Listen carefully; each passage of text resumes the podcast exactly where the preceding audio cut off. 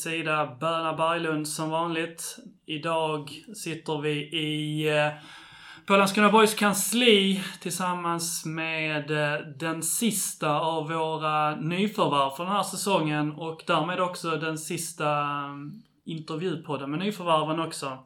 Sist men inte minst så är det Filip Ottosson som är välkommen in i poddstudion. Tack så mycket. Snabb fråga då. Är smeknamnet, är det, går det under Otto, Fille, Filip, något helt random? Nej, det är väl Otto som har blivit det framförallt. Ja. Det brukar alltid vara många Filipar i, i lagen jag spelar så Otto har blivit eh, det man köper. Mm. Otto är ändå ett 4 plus-namn. ja, ja, det klingar bra. Mycket bättre än Filip. Färre, färre Otto än Filip Ja, precis. Ja, det sticker ut lite mer kanske. Ja. Precis lyssnat på den här Degerfors When We Were King. Där är ju en, eh, en fin liten Ottosson. Mål, Okej. Mål-Otto. Mm. Ja, det låter bra. Jag hörde även om man tänker Otto eller Mo Ottosson då också så, så greppade jag att det var någon, eh, någon, eh, någon farfar till dig som också hade gjort eh, vissa verk i fotbolls-Sverige va? Ja, så är det... Farfar. Ja, jag, jag, jag tycker jag? Nej farfar, jag tycker jag läste, läste någonting Ah, om det. ja? Nej, min farbror. Det stämmer. Farbror? Farbror, ja. Han har varit eh, tränare i eh, IK Brage. I division 1 norra där. Var med typ de faktiskt Superettan för några år sedan. Ja, jag fattar det också. Men då slog du på fingrarna. Jag läste farfar men det säger väl kanske mer om mig än mina läskunskaper. Ja, det är ganska imponerande om hans farfar skulle vara tränare i Kobrage 2019. Ja, men... ja, det är det. Jag läste inte några årtal. Ja, så är det. Tyckte att det Ja, låg längre bak i tiden. Vad har vi mer för några kända Ottos? Det är väl någon eh, hockeyspelare i Djurgården som hette Ottosson, såhär 2000-tal. Ja. Finns det inte någon buskis eller något sånt också med någon Utte som en typ någon, eh, någon sån här... eh, Stefan och Christer. Ja, precis. Ja, där är någon som, som sitter och super i ett hörn varje... Exakt. Ja. Det hade varit spännande i och för sig om vi hade plockat upp någon här om någon farfar som du inte hade haft koll på. Så hade det visat sig att det är liksom världens, världens historia. Det hade är gjort någonting. Hur är fotbollskunskaperna i familjen i övrigt? Då, du har en farbror då som eh, har eh, en, en meriterad tränare får man väl kan man säga då. Mm. Annars då? Eh, jo, men det är jag väl uppväxt i en, en så här fotbollsfamilj kan man väl säga. Både mamma och pappa har spelat fotboll när de var yngre och så här. Eh, även en lilla syster som spelar fotboll än idag. Sen så har väl de inte spelat på någon sådär högre nivå kanske, utan det har varit lokalt i och runt omkring Helsingborg. Men eh, ja, man är uppväxt med fotboll, absolut. Det var inte, det var inte farbrorn som var liksom gateway-drogen in till fotbollen utan den kom från mer mamma och pappa. Ja, jo men så har det varit. Det har kommit från mamma och pappa. Hur mycket följer du i Kobrage? Eh, nej, inte så jättemycket. Klart jag hade koll på resultaten så när han var tränare. Han var där väl under, ja, två, tre år kanske. Har han någon form av bakgrund inom elitfotboll som spelare? Nej, inte som spelare. Eh, han spelade väl också när han var yngre, men, eh, men inte något eh, högt sådär. Okej. Är han kvar i Brage nu eller vad gör han nu? Nej, nu är han, eh, ja, han har någon roll. Han bor uppe i Dalarna fortfarande. Så han har någon roll, tror jag, på deras eh, fotbollsförbund. Eh, ja, någonting mer. Jag kan inte det exakt, men Okej. någon fotbollsroll är det. Hade detta varit någon sån här gammal talkshow så från 90-talet så hade, vi, hade ju farbrorn kommit in nu. och vi välkomnar er! Jag vet, ett litet liveband som hade spelat ihop Ja, liten, en liten jingel liksom och så också. Och så hade det suttit någon sån liten eh, sidekick med någon uh, gitarr och liksom så sagt något lustigt också. Ja. Tråkigt Ja. för Filip när han har tagit sig tid till detta och sen visat att han ska bara påa sin farbror egentligen. Bara massa klipp på Mikko Brage 2019. Så kan det vara. Eh, nytränad nu också om, eh, om vi förstod det rätt va? Stämmer. En av de första träningarna på, på gräs här på IP-området också va? Ja, vi har kört idag och eh, även eh, två pass förra veckan plus internmatchen. Så Mm. att, eh, det är gräs som gäller nu. Det är skönt. Är det de eh, klassiska sega vaderna nu då eller hur är omställningen? Jo, men det har känts absolut i, i benen. Eh, det känns som att det är lite tyngre att gå på gräs, det är det ju. Men det har funkat bra faktiskt. Mm. Och jag sa vi internmatch här häromdagen också. Ja, precis. Hur var det att få lite mer um, matchfeeling på gräs också? Jo, men det är alltid kul att spela match såklart. Sen så hade man ju hoppats att det skulle bli mot Örgryte, men eh, det fick bli en internmatch ute i Harslöv. 2 gånger 30 spelar vi så att, eh, nej men det var kul. Få, få känna på gräs som du säger och det är alltid speciell känsla att gå på gräs.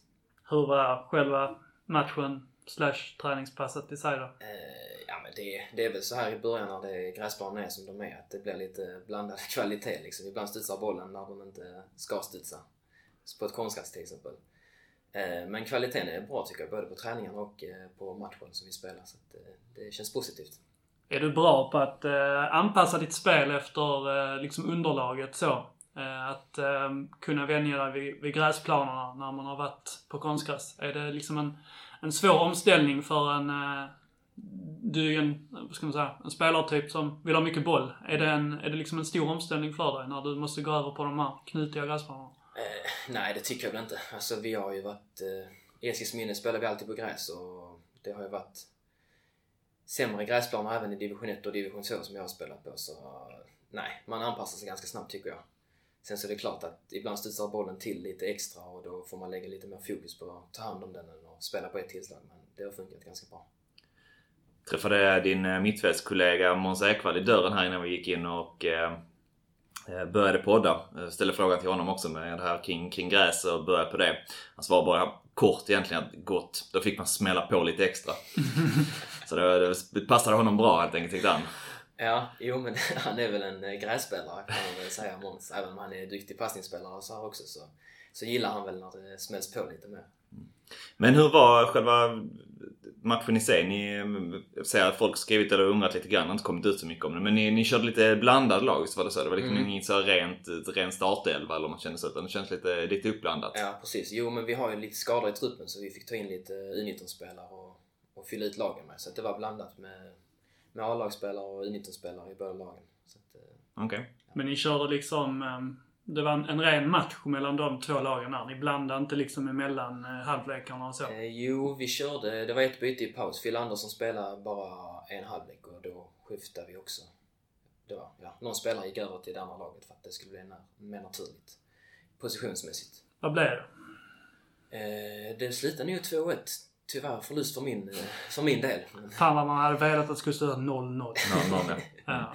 Nej, vi spräckte målnollan där tidigt faktiskt. Eh, redan i bara några minuter in i matchen. Så det var skönt att sluta 0-0.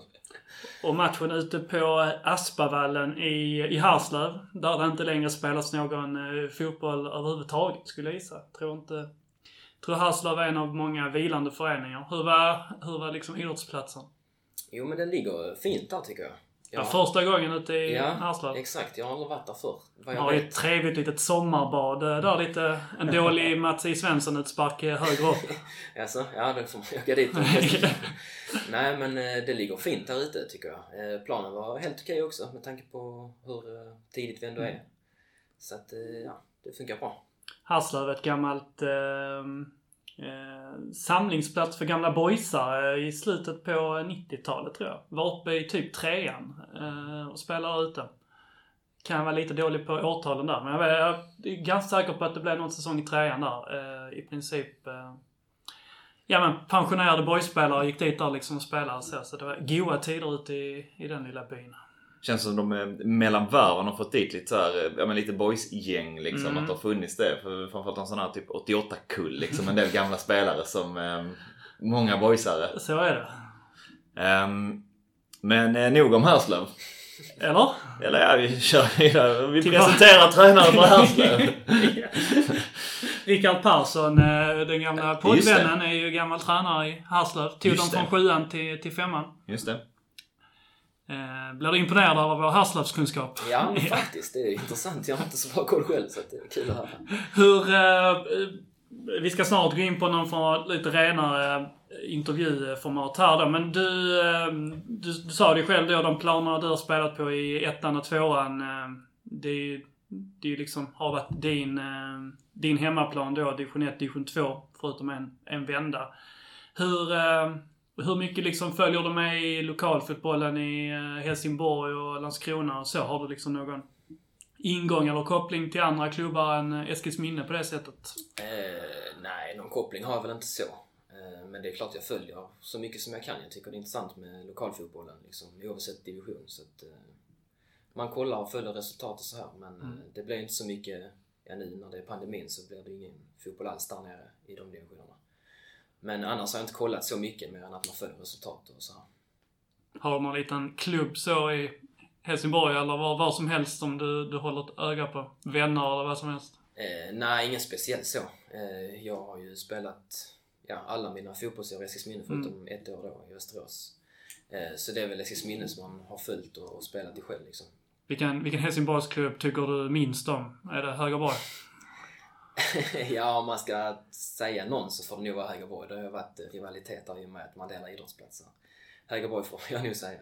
Är det du och Zoman då som har, som har tävlat mot varandra, krigat genom åren eller? För ni är födda samma år också? Ja, vi är födda samma år faktiskt. Eh, det verkar, jag vet inte själv om han inte vill prata om det, men vi har faktiskt spelat i samma lag i Eskilsminne i väldigt många år. Eh, jag vet inte när han, om han sp började spela i Högerborg. Tror jag han gjorde.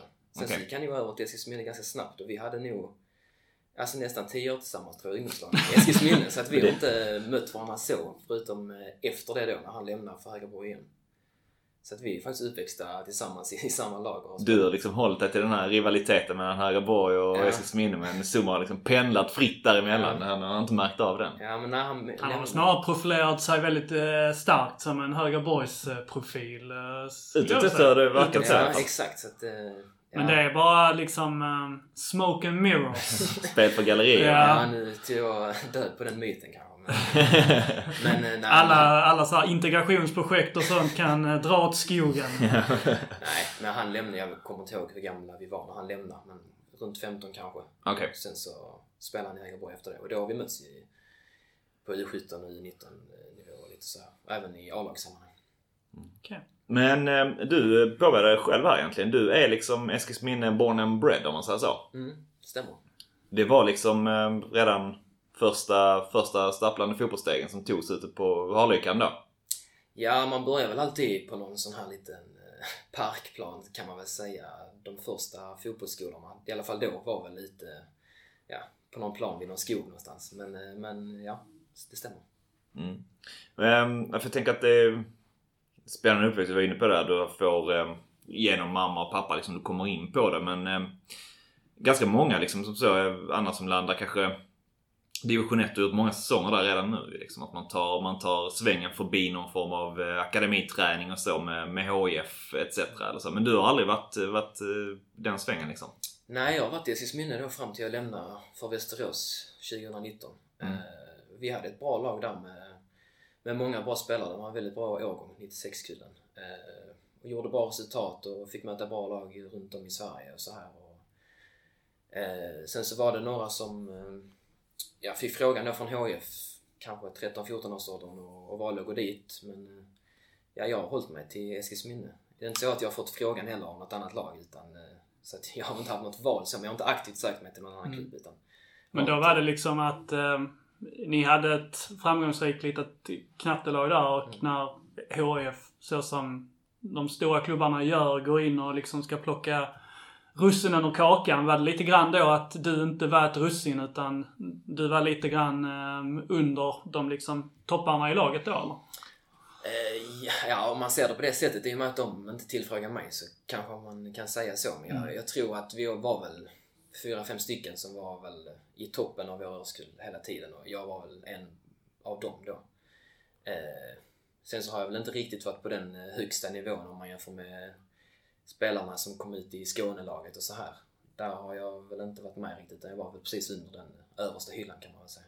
Men hur var, hur var till exempel det här knattelaget? Du sa att ni var en, liksom en bra kull med 96or. Eh, hur, hur, var ert, hur var din ungdomstid då? Om vi tar liksom upp till 12-årsåldern ungefär.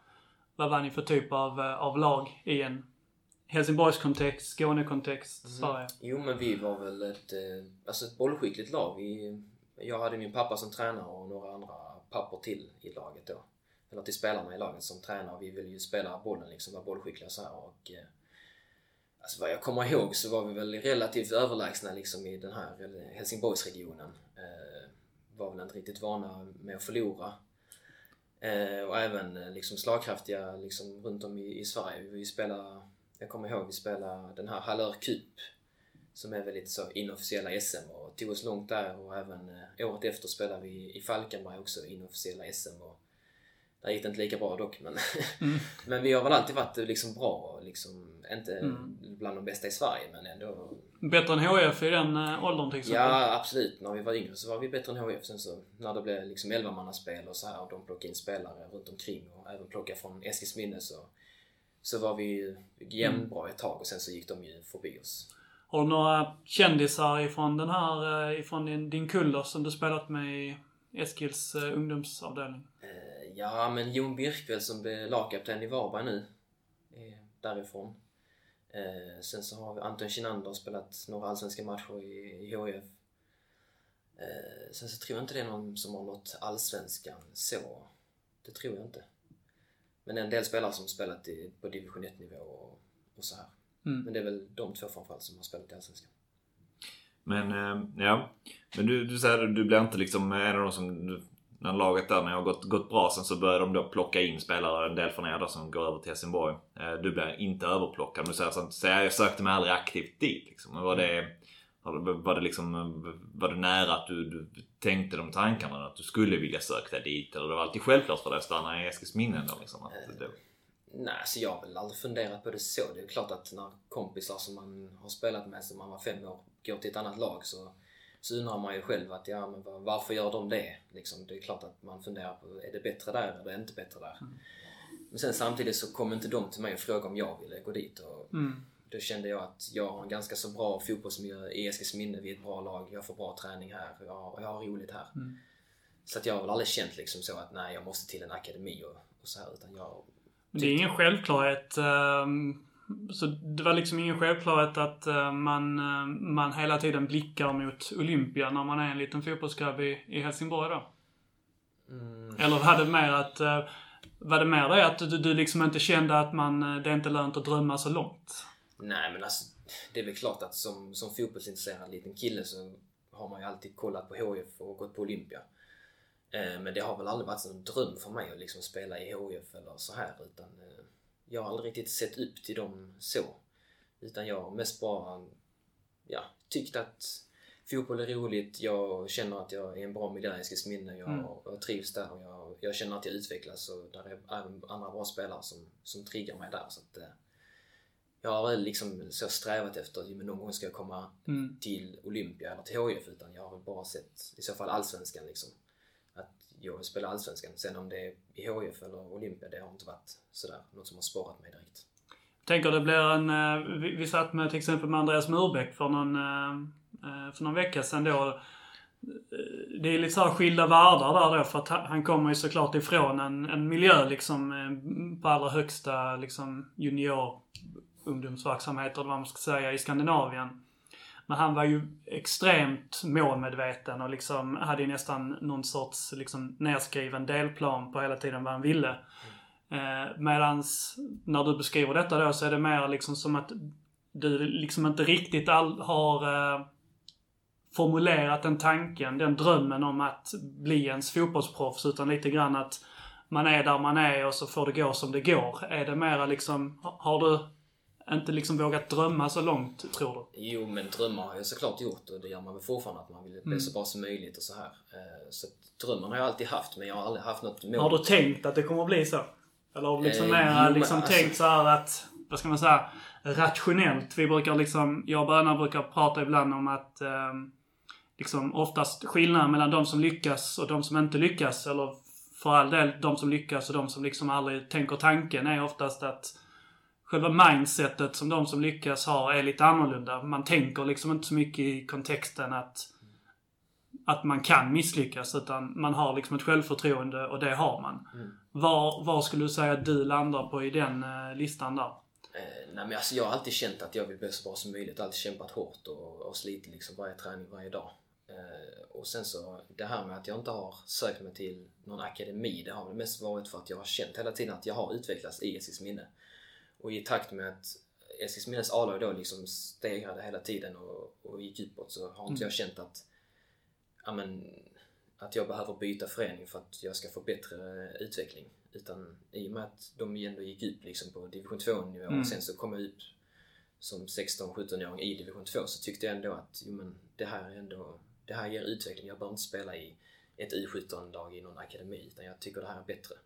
Sen så hade det varit så att jag hade känt att nej, det här är inte utvecklande. Då hade jag förmodligen sökt mig vidare för att jag, jag ville någonting med min fotboll. Mm. Men det har väl mer varit att jag har känt hela tiden att jag har utvecklats.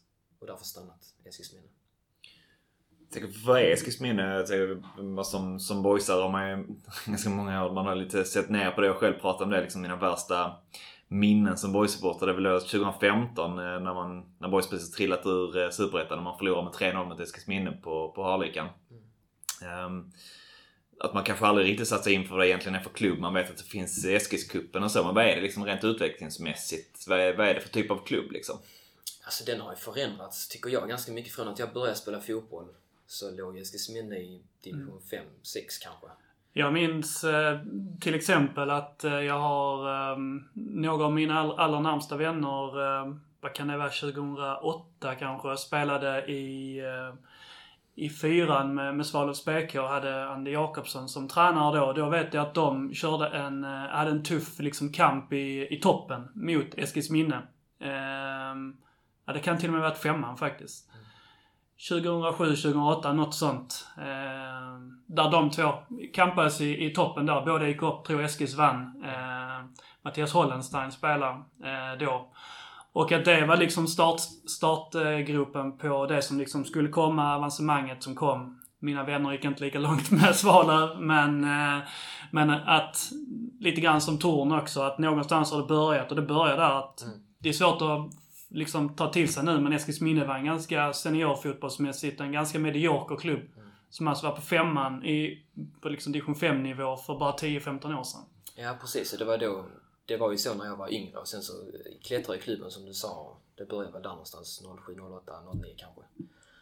Eh, så att nu har den ju utvecklats mer och man har liksom eh, fått en eh, sån här akademicertifiering på ungdomssidan. Och, så att nu tycker jag att det finns bra utvecklingsmöjligheter i Eskilsminne liksom som fotbollsspelare.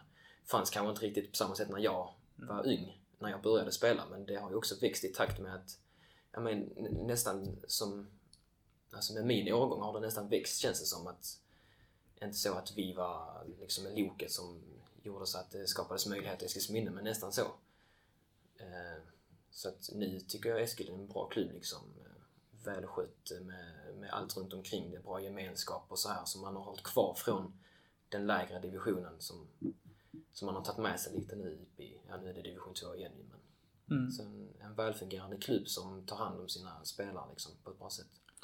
Jag tänkte på det här eh, med Eskilsminne. Du, du har ju liksom ett, lite grann av ett rykte av att vara någon form av talangfabrik. Eh, man brukar, är det inte någonting med att det har fler aktiva spelare än eh, typ så topp 5 i Sverige, aktiva spelare. Något sånt tror jag man brukar säga.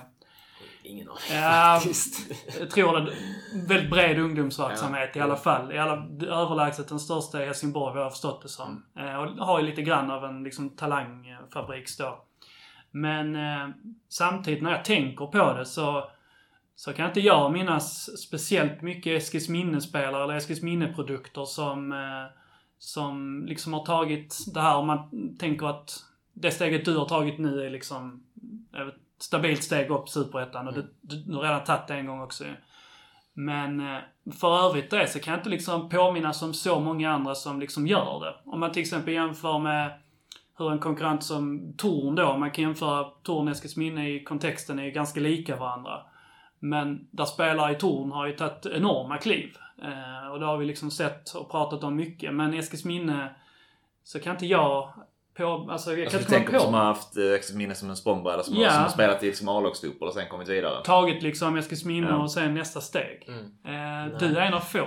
Mm. Är, är den bilden rätt som jag har också? Jo men absolut. Alltså, Tycker Eskilsminne- det alltid har pratat om typ Emil Åberg liksom och så men Mm. ja det händer ingenting och så kommer han tillbaka och eh, Kinander samma så liksom men så hamnar de i Ängelholm istället och så. Ja. Jo men Eskilsminne har väl varit bra innan på ungdomssidan men aldrig riktigt liksom få fram spelare som kan ta sig vidare i karriären, alltså från A-laget och, och framåt så. Jag, vet, jag tror inte det är några spelare som är äldre än mig som har gjort det. Eh, Jonathan Levi var ju en sväng i Eskilsminne där något år. Robin Book är väl en av Ja, precis. Robin Book. Men han är inte Ja. fostrad i Eskilsminne. Han kom till Eskilsminne när han var 19 från Via HIF då. HIF. Ja. Mm. Ja men tycker det är någonstans det du är ute efter. Ja. Ja, Ja, Robin Book är väl kanske det bästa exemplet då. Och sen så Jonathan Levi var ju med ja, två, tre år kanske. Mm. Gick hit sen ju. Mm. Men han spelade aldrig direkt Nej, A-lagsfotboll heller. precis. Han var väl inte ordinarie riktigt. Så att nej, det har inte varit, de har inte riktigt fått det här eh, riktiga lyftet att Mm. få ut spelaren liksom till superettan kanske. Men har det varit liksom för att Eskilsminne har... Eh, vad ska man säga? Är det för att det har varit lite grann att man inte har eh, siktat så mycket på, eh, vad ska man säga, liksom talangspelare? Att det är mer eh, att det har varit ganska mycket liksom lite grovjobb och lite man har liksom plockat spelare lite ifrån, eh, ifrån närområdet också. Att man har mer kanske byggt ett kollektiv så. Mm. För att min bild av Eskils är ju också att det liksom inte... Det har inte liksom varit något finlirande lag direkt utan det har varit ett kollektiv. Mm. Oftast liksom lite små primitiva tränare och små primitiva spelidéer och så. Och med de liksom tankarna så kommer kanske inte heller liksom de här spelartyperna som kan flyga. Mm. Utan då blir det kanske mer de här, eh, jag tänker innan, eh, liksom när resan började så hade man alla de här, vad heter de, eh, Filip Egger och liksom spelare som var väldigt dominanta och duktiga på trean, tvåan, Mm. liksom okej i ettan. Men sen, sen så kom man aldrig riktigt någon vart. Men de blev ju liksom väldigt duktiga i, den, i det sammanhanget de var i. Nej men det tror jag. Alltså Eskilsminne har väl alltid varit... Och Hollenstein med liksom Ja, en sån. precis. Det har varit många profiler. Ja. Eh, men kanske inte de mest, liksom den typen av spelarna heller. Nej precis. Nej men det har varit ett lag liksom. eh, Och när man kommer ut på en viss nivå så... Någon, alltså taket slår ju, slår ju någon Mm. gång. Och liksom de spelarna som varit med i division 3 och division 2 och kanske division 1, de kan inte riktigt ta sig högre än så. Och så då blir det mer att man spelar tillsammans och utnyttjar varandras styrkor och det är liksom inga klara lysande stjärnor i laget. Förutom kanske Robin Book som jag tyckte var väldigt duktig. Som också tog sig vidare. Men annars har det inte varit det utan det har varit kollektivet och man har liksom... eh, Mm. Det har varit mycket eh, springa mycket, lite längre bollar som du sa och var inne på. Eh, inte så mycket finlir och, och så här utan det har varit ett lag, inte så mycket individuellt.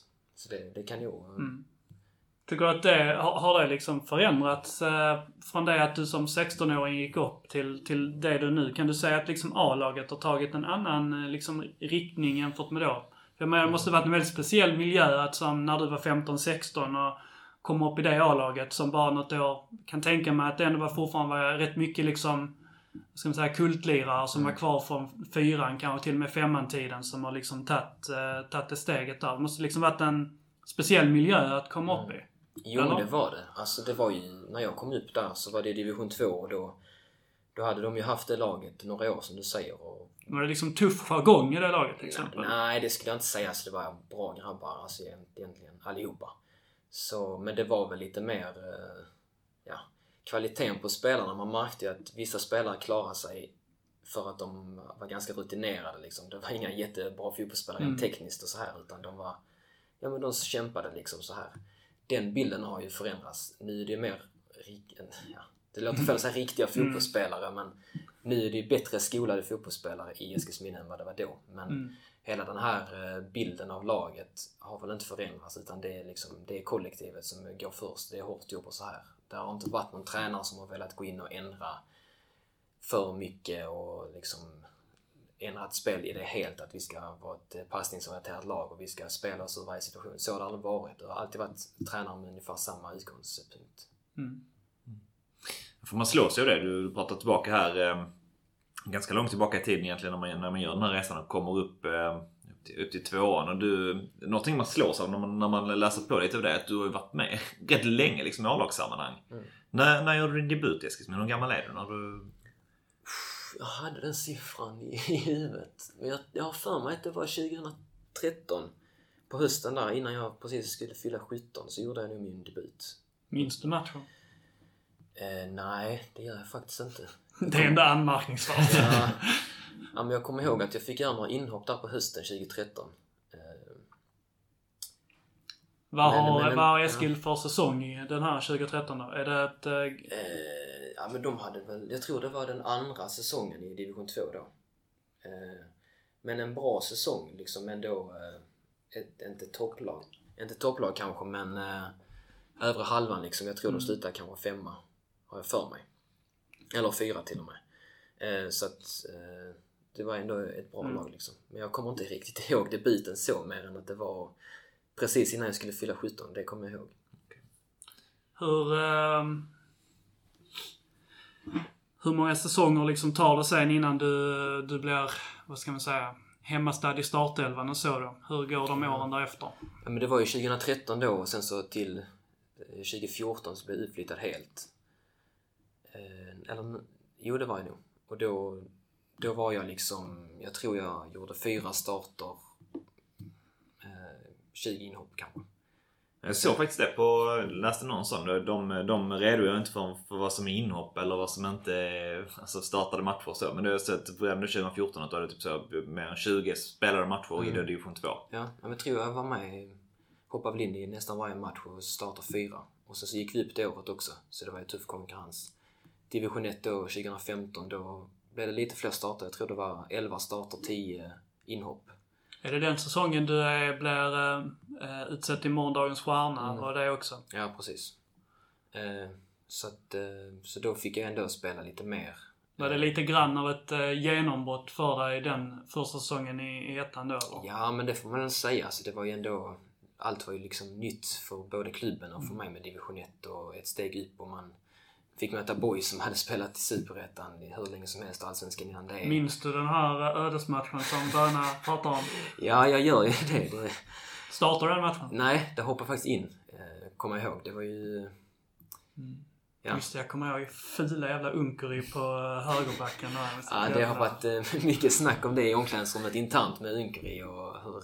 Mm. Om ni var där då, hur, Ja. hur mycket hets mellan eh, han och er och att det inte var så uppskattat Ja. kanske från er sida.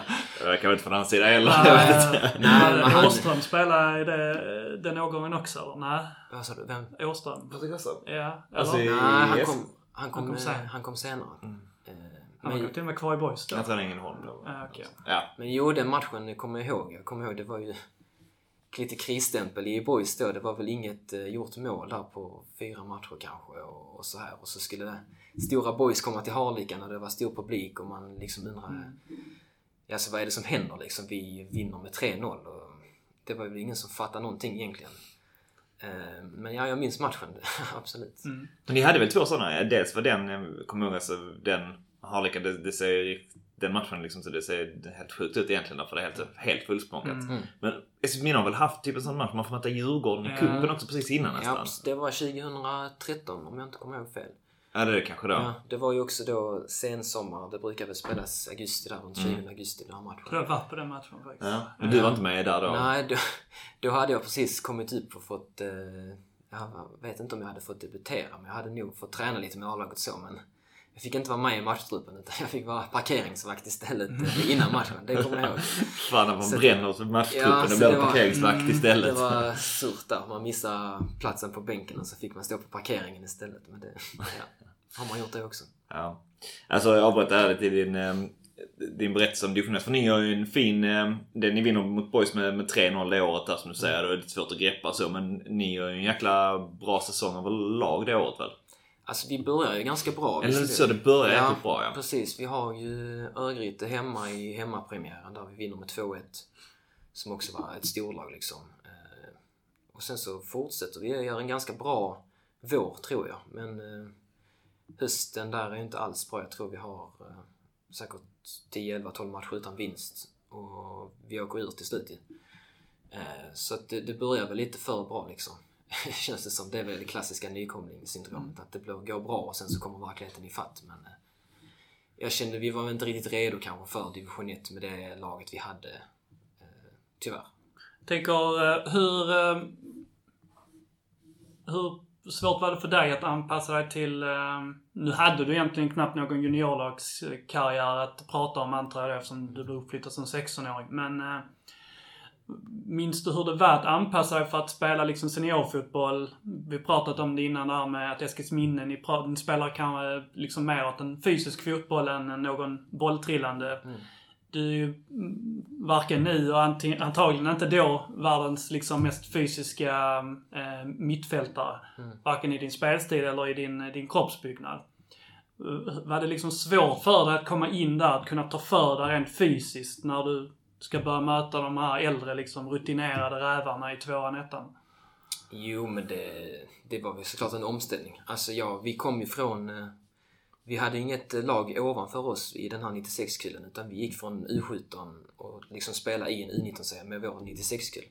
Så att det var liksom från spela med de som är jämngamla till seniorer. Så där, där var steget stort ju. Ja. Eh, och det, det är klart att när man gjorde sina första träningar med, med A-laget så smällde det ju på ett helt annat sätt liksom. Eh, så det, det tog väl lite tid såklart att komma in i det men eh, Jag har fått höra från andra spelare runt omkring att jag anpassade mig snabbt i och med att jag liksom insåg vad jag behövde göra för att inte få de här smällarna. Utan jag släppte bollen snabbt på ett, två tillslag hela tiden. Och de har sagt att, att det var en stor skillnad för mig jämfört med andra spelare som gärna tog det här extra tillslaget och så fick de en smäll i ryggen. Och så. Eh, så att jag tror att jag anpassade mig ganska snabbt. Eh, Men det är klart att det, det var en stor skillnad jämfört Mm. med, med U19 och U17. Är det liksom en av dina styrkor, tror du? Att du, du har varit bra på att veta, liksom veta din egen roll i sammanhanget du är i. Att nu kan jag inte göra så här längre, nu måste jag göra så här. Att man vet sina styrkor och um, sina svagheter också. Mm. Ja men det tror jag. Alltså jag, jag känner att jag liksom spelar kanske lite safe först för att känna av nivån innan jag kan utveckla mitt spel. Och det, det känner jag lite här i Landskrona när jag kom hit nu i första veckorna kanske. Att jag spelar ganska safe liksom. Jag, jag kanske inte stack ut så mycket. Men jag tappar kanske inte bollen heller. Nu känner jag mer att jag har eh, tagit en liten, eh, liten större roll, lite mer bekväm, tar lite större risker i mitt spel. Vågar kanske driva boll lite mer, våga utmana, inte bara släppa den enkelt i sidled. Så att det, ja, jag tror att jag anpassar mig ganska mycket snabbt och tar det därifrån och sen utvecklar det jag är bra på.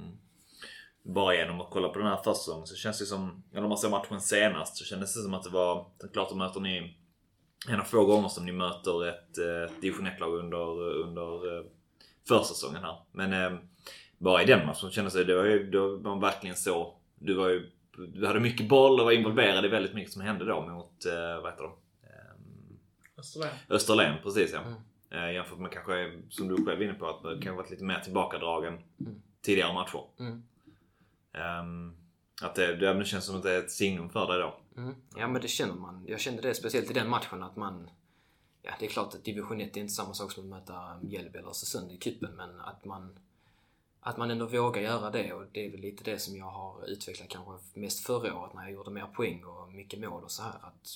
Ja, men bli lite mer framåt, och inte bara liksom slå passningar eh, utan även avancera framåt med bollen och försöka göra någonting själv. Så det har jag väl ändå känt att jag har tagit steg i nu på försäsongen. Mm. Ehm, men jag tänker vi lär återkomma till det också tänker jag lite längre fram. Men um du, du, där vi avslutade någonstans innan det är att ni, ni åker ner med Eskilsminne. Du är liksom eh, ändå en av eh, morgondagens stjärnor då. Eh, men tillbaka ner i division 2 då med Eskilsminne. Var, var det klart då eller fanns det andra alternativ och så då vid den tiden? Eh, nej, jag kände väl att... Eh, ja, jag hade inte varit ordinarie division 1. Jag tänkte att liksom division 2 kan vara bra att bygga upp eh, liksom, eh, sig som startspelare och börja om lite och, och ta en ordinarie tröja i Eskilsminne. Så att det, vad jag kommer ihåg var det inga liksom, tveksamheter så. Det var inget lag som hörde av sig heller till mig. Eh, eh, men jag, ja, jag tror att det var liksom ganska självklart faktiskt.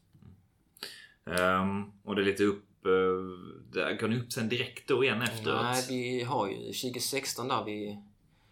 Vi börjar 2016 med tre raka förluster som då från division 1. Eh, och eh, får jobba utförsbacke direkt då 2016 men eh, ja, höjer oss och vi är med och missar kvalplatsen tror jag på sista, i sista omgången. Tyvärr. Med något poäng tror jag. Och sen så 2017 så får vi kvalplatsen då och kvalar oss upp och går upp där istället. Um, ja för det var det, jag hade inte riktigt, inte hundra pejl på, på årtalen men för då är 2018 då i alla fall är det väl när ni sen, ni kommer upp igen till division 1, så sen ni kvalar er upp och gör där en eh, jättesäsong i division 1 och håller snubblande nära på att faktiskt få kvala uppåt till Superettan också. Mm, precis. Eh, Med bland annat dig då i laget men också Hofse och eh, tidigare nämnd anfallskollega Åberg. Åberg. som gjorde en massa mål. Men även du var i målprotokollet då så såg jag lite grann. 2018? Ja, jag tror ändå det. För, Sex mål. jag tror jag reagerade på det ändå. Att det snackas mycket om att du tagit steg förra året i division 1. Men jag tyckte redan då verkade det som att du, du hängde en del i alla fall.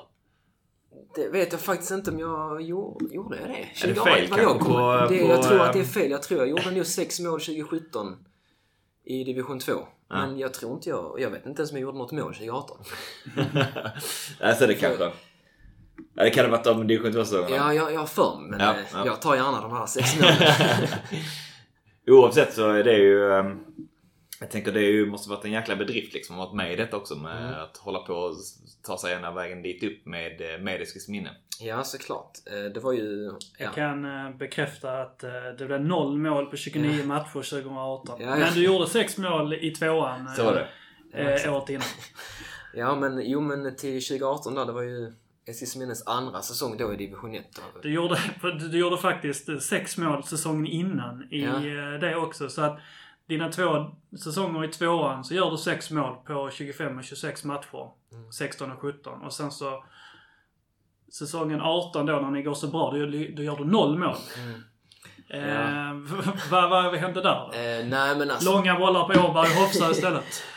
De, de här säsongerna, då 2016 som jag var inne på innan, då startade vi serien med tre raka förluster. Och jag har ju väl alltid varit innermittfältare i hela min karriär och jag spelade innermittfältare då. Men då, ja, då gjorde vi en rockad efter de tre matcherna. Jag fick spela på vänsterkanten, 4-4-2 och jag var vänster mittfältare. Så de två åren då när jag gjorde sex mål och sex mål, då spelade jag på kanten faktiskt. I 4-4-2. I en sorts, eh, vad ska man, Ja. inverterad eh, ytterroll. exakt. Det var väl ganska... Thomas Brolin-roll. Från- Det var ganska så fritt så. Det var inte så att jag drog eh, till hörnflaggan och slog vänsterinlägg. Utan det var mer inåt i planen. Ja. Så det var först 2018 som jag tog klivet in i mitten igen. Så Mm. jag tror att det har spelat in. Att jag hamnar lite längre fram i banan, eller i, i planen. Som vänster eh, mittfältare än inom mittfältare då. I 4-4-2. Hur ser din roll ut då till exempel i det här, i, i det framgångsrika året i, i division 1 då? Ni spelar ganska enkelt och liksom rakt 4-4-2 med då Hofsö och Åberg, två stora löpstarka anfalls, eh, anfallsduo där. Vilken roll har du i, eh, i, i eh, Eskilsminne den säsongen där? Ja men det var väl lite mer tillbakadrag, lite mer hämta boll lite djupare har jag för mig. Eh, och sen så som du sa, vi hade Hofsö och Åberg där uppe och de gjorde väl 18 och 19 mål eller någonting sånt där. 35 baljor tillsammans tror Ja, jag ja. läste. Ja, så att, att inte använda dem och deras styrkor hade ju varit dumt såklart och det, det gjorde vi. Men var det liksom hämta bollar så långa, lite längre bollar över backlinje då? Nej, det var inte riktigt så att jag hämtade boll och jag slog alla bollar. Utan det var ju... Det skedde ju från, från backlinjen också. Okej. målvakt. Men, men det låter ju som en rätt tuff roll för en, för en mittfältare. Det blir ju lätt att man bara liksom löper liksom från straffområde till straffområde i Ja. så fall. Och så blir det liksom andra bollar där och andra bollar där. Det blir inte riktigt din typ av spel heller. Nej, alltså det... Jag har svårt att se hur din eh, liksom, roll, eh, hur, hur dina liksom, egenskaper egentligen användes i det här. Men uppenbarligen funkar det. Men jag har Ja. svårt att se liksom var du, di- dina egenskaper användes eh, i det sammanhanget. Ja, jo men det, det blir väl lite... Alltså det här spelet vi spelade gynnar väl inte mig riktigt 100%. Men sen så... Man får ändå göra det lite till sin egen grej. Alltså vet jag att jag, jag är bra på att ha bollen. Då får jag försöka kräva bollen av de andra. Även om de kanske inte är trygga med att sätta in den till mig hela tiden. Så det tror jag vi ändå vi utvecklar under året. Att ändå använda våra egenskaper. Lite och mina egenskaper. Sen så passar det inte mig till 100%. Alltså absolut inte. Det var många matcher där man fick springa liksom och bara kolla fram och tillbaka och man hade ont i nacken sen efter matchen nästan. Så att nej, det har väl aldrig varit liksom hundraprocentigt min spelstil i Eskilsminne. Det har aldrig gynnat mig 100%. Det har jag känt också. Men där tycker jag i så fall att då hittar man det här igen. Att du, eh, du lär dig att anpassa dig. Du lär dig att bli en användbar spelare i sammanhanget som, som du används i. Liksom. Ja, precis. Och det, det har ju utvecklat mig också i de egenskaperna som kanske inte har varit mina styrkor. Att jag har fått jobba med dem. De fysiska då Precis, det har väl alltid varit den fysiska biten. Att Mm. jo, men du... Jag har alltid varit kort och liksom ganska tunn. Så man har fått jobba på det. Man har fått jobba på Mm. att gå in i liksom närkamper och försöka smälla på även om man... Hur, eh, hur tycker du att du eh, kan, eh, kan mäta dig där nu då? I att eh, liksom ta nickduellerna, att vinna 50-50 duellerna och så nu? Om du ändå du har Ja. spelat liksom i ett tvåmanna mittfält, eller fyr, Mm. alltså ett fyramanna mittfält Mm. i, i ettan liksom och varit ett topplag där och du har ändå gjort den rollen där. Hur, hur, hur pass mäter du dig i, den, i de sammanhangen tycker du?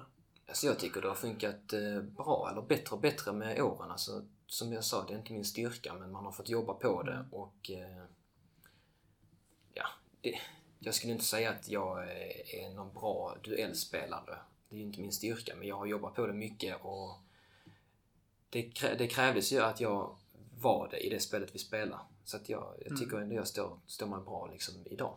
Vad hade du för spelare bredvid dig där oftast? Ja, men det var nog lite större spelare. Filip Pettersson eh, är väl en... eh, Jag vet inte om ni känner till honom, men han har varit i Eskilsminne hur länge som helst. Stor och stark spelare. En riktig liksom bollvinnare.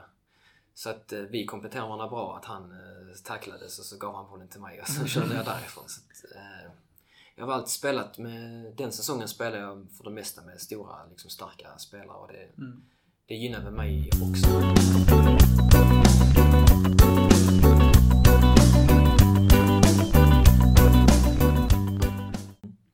Och jag tänker någonting eh, rätt under säsongen måste det ju trots allt bli för att eh, ni håller på att snubbla här som sagt på att eh, få kvala uppåt. Blir inte av men sen så blir det ändå så att det är ju eh, superettan-klubbar och Västerås i detta fallet som får upp ögonen för dig på något sätt i alla fall. Så, eh, om de har sett dig springa där och titta liksom, eh, tänker detta, han kan passa här hos oss eller? Ja, nej, men eh, jo men det är klart jag gjorde en bra säsong. Liksom. Det var inte bara att vi sparkade långt från mittbackar upp till forwards, utan vi, vi spelar ju en del och jag gjorde väl eh, en del assist och, och så här och kunde utnyttja min passningsfot på fasta situationer och så här. Så att någonting såg de ju i mig. Sen så tror jag att eh, den bilden de hade av mig i Västerås var väl att jag var lite mer den här grovjobbaren än vad jag egentligen var. Mhm. Så, ja. När jag kom till Västerås sen så, så tror jag att de, de trodde nog att jag var lite mer av en grovjobbare än en finlirare om man nu får uttrycka det så. Var eh, befinner sig Västerås på den här fotbollskartan? Om man, om man ser eh, Eskilsminne i 4-4-2 långbollar och Boys är 4-3-3 och gegenpress. Mm. Var, var är eh, Västerås i så fall? Eh, ja men någonstans mitt emellan kan man väl säga. I alla fall när jag kom dit då, då hade de ju gått upp från division 1 norra då och vunnit den serien och jag hade inte sett några matcher med Västerås så men jag har ju sett lite höjd- höjdpunkter och fått förklara för mig vad det är för typ av lag och de, ja, men de var liksom ett spelande lag och så här men ändå med fysiska spelare som kunde springa mycket så att någonstans eh, mitt emellan skulle jag vilja säga. Hur, eh, hur gick liksom den kontakten? Du sa du hade fått, upp, fått höra lite grann om dem så. Ehm, du väljer att ta steget dit. Jag tänker för en som har varit i, varit i Eskilsminne hela sitt liv. Ehm, som du beskriver det. Trygg, trygga gatan liksom någonstans. Mm. till att ta klivet till, till Västerås. Vad, vad, hände liksom? Hur gick det till? eh, Hela biten där med, när de kommer in i bilden. Mm, ja, men mitt kontrakt gick ut med Eskilsminne och jag kände ju att vi, vi, laget hade gjort en bra säsong. Jag hade gjort en bra säsong och jag kände att visst, Eskilsminne hade någonting bra på gång kändes det som, men jag ville ändå liksom eh, alltså ta mig vidare. Min ambition var att ta mig vidare för jag tyckte ändå att jag hade tillräckligt mycket kapacitet för att gå ut på ett steg. Eh, så Västerås, ja de hörde av sig och ja, de hade sett eh, matcher och, och scoutat mig och, så och sa att de ville att jag skulle ja, skriva på liksom. Så då... Eh, Så- Det är inget provspel eller så utan du Nej. skriver på direkt liksom. Ja, precis. Nej, de sa att liksom vi har, vi har sett tillräckligt av dig och vi, vi tycker att du passar in i vårt sätt att spela och de förklarar hur de jobbar och så här och jag tyckte det lät intressant och jag hade inget annat på bordet heller utan det var det var Eskilsminne i så fall eller ja, någon annan division 1-klubb var inte aktuellt. Så då bestämde jag mig för eh, Västerås. Eh, och så, ja, så blev det helt enkelt. Så det var liksom ingen... ehm, det var ingen del av någon stor plan så att säga. Så, utan de hörde av sig och eh, så fick det bli. Lite Ja. grann oavsett vad de hade presenterat så hade du nog Ja. hoppat på. Alltså jag kände att jag har varit i Eskilsminne nu. Mm.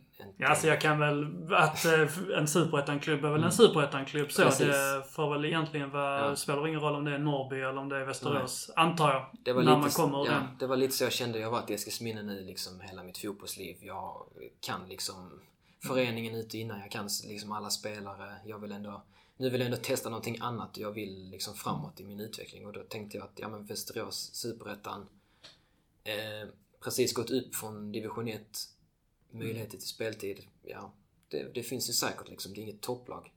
Så att då, då kände jag ändå att, jo men jag kör, jag har inget att förlora. Tänker han här... Eh, eh, Kalle Karlsson är ju assist, tr- huvudassisterande tränare. Assisterande. I, eh, var han med i, i den här eller kom han året efter det? Han kom eh, 20, vad blev det, 2020 kom han in som eh, assisterande. Så jag hade bara han där några månader Några innan jag månader. lämnade. Okej.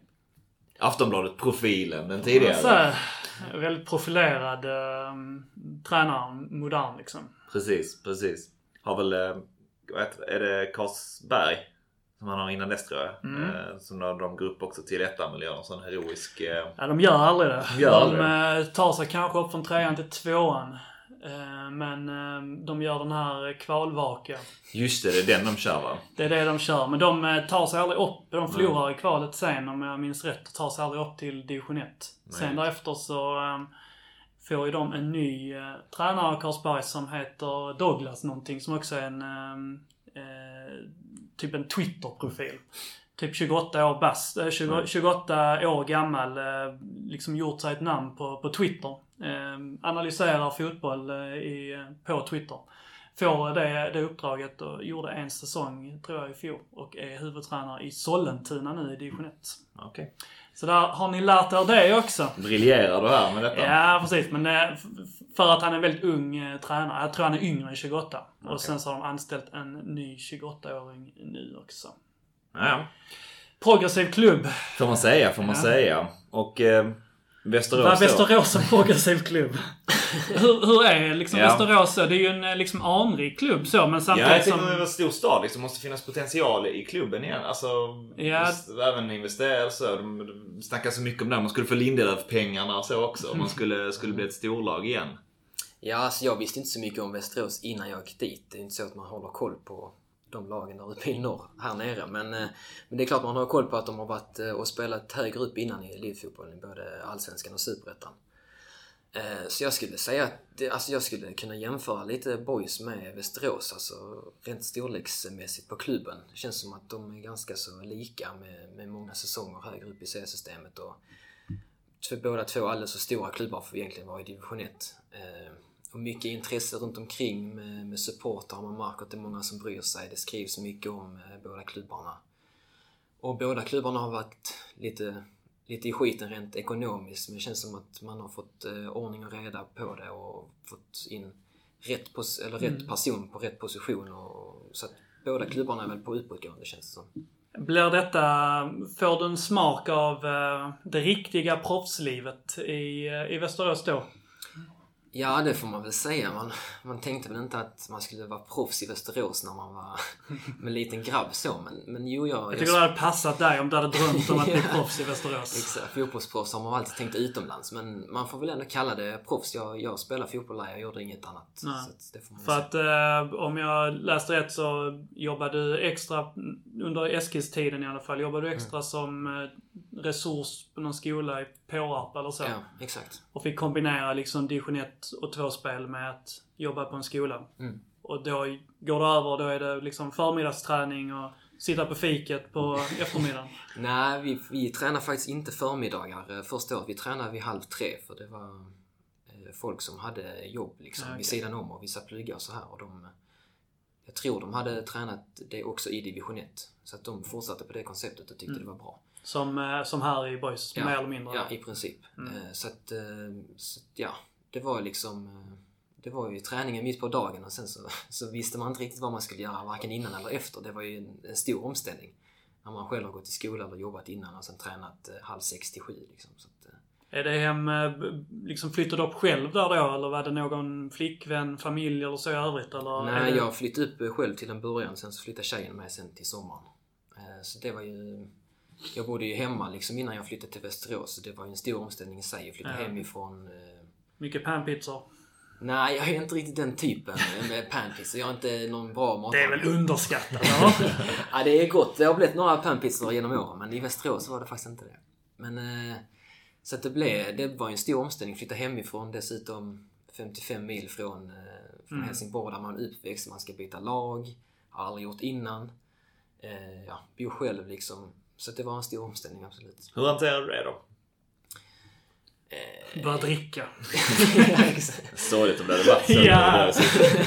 Ja, fan. nej, nej, det var det inte riktigt. Det var, men, eh, men det var ju det var alltså lite jobbigt så vissa perioder. eh, Speciellt när man inte visste vad man skulle göra riktigt heller. Alltså folk i laget liksom hade jobb, många av dem jobb innan träningen och sen efter träningen så blev ändå klockan ja, men halv fem, fem och så ska de hem till sina familjer. Och så det blev inte riktigt så att vi hängde utanför särskilt mycket utan man var, man var själv liksom. Eh, och det kan ju vara jobbigt i perioder och speciellt då när man kanske inte får speltid som jag inte fick då i, i laget. Och man, liksom, man går och tränar och man vet om att ja, det spelar nästan ingen roll vad jag gör utan jag kommer ändå få sitta på bänken. Och, och så sitter man där i sin, i sin etta i Västerås och vet inte riktigt vad man ska göra men eh, nej, alltså som, som helhet så var det ändå en, eh, en lärorik tid. Man lärde sig mycket, man fick ta hand om sig själv och, och hela den här biten. Så att, eh, det är inget, absolut inget jag ångrar och så här. Jag tänker, ehm, du tar ju upp det sen, händelserna i förväg då, men du lämnar och går tillbaka då. Då pratar du mycket om att eh, speltiden liksom var själva oket. Att du tyckte du fick för lite speltid. Samtidigt när man kollar på det så, du startar ändå åtta matcher. Det är nästan en, eh, vad blir det, en tredjedel av matcherna nästan. Eh, och du blir inbytt i ytterligare fem. Så att du, du har speltid i hälften av matcherna i, i Superettan. Ditt första år. Du har aldrig spelat utanför Eskilsminne tidigare. Och Västerås mm, kan väl bli tagen på pottkanten här, men ni klarar väl ändå kvar, ni klarar ju kontraktet. Eh, så att du, liksom en duglig truppmedlem i ett dugligt Superettan-lag. Men det är liksom inte tillräckligt där då.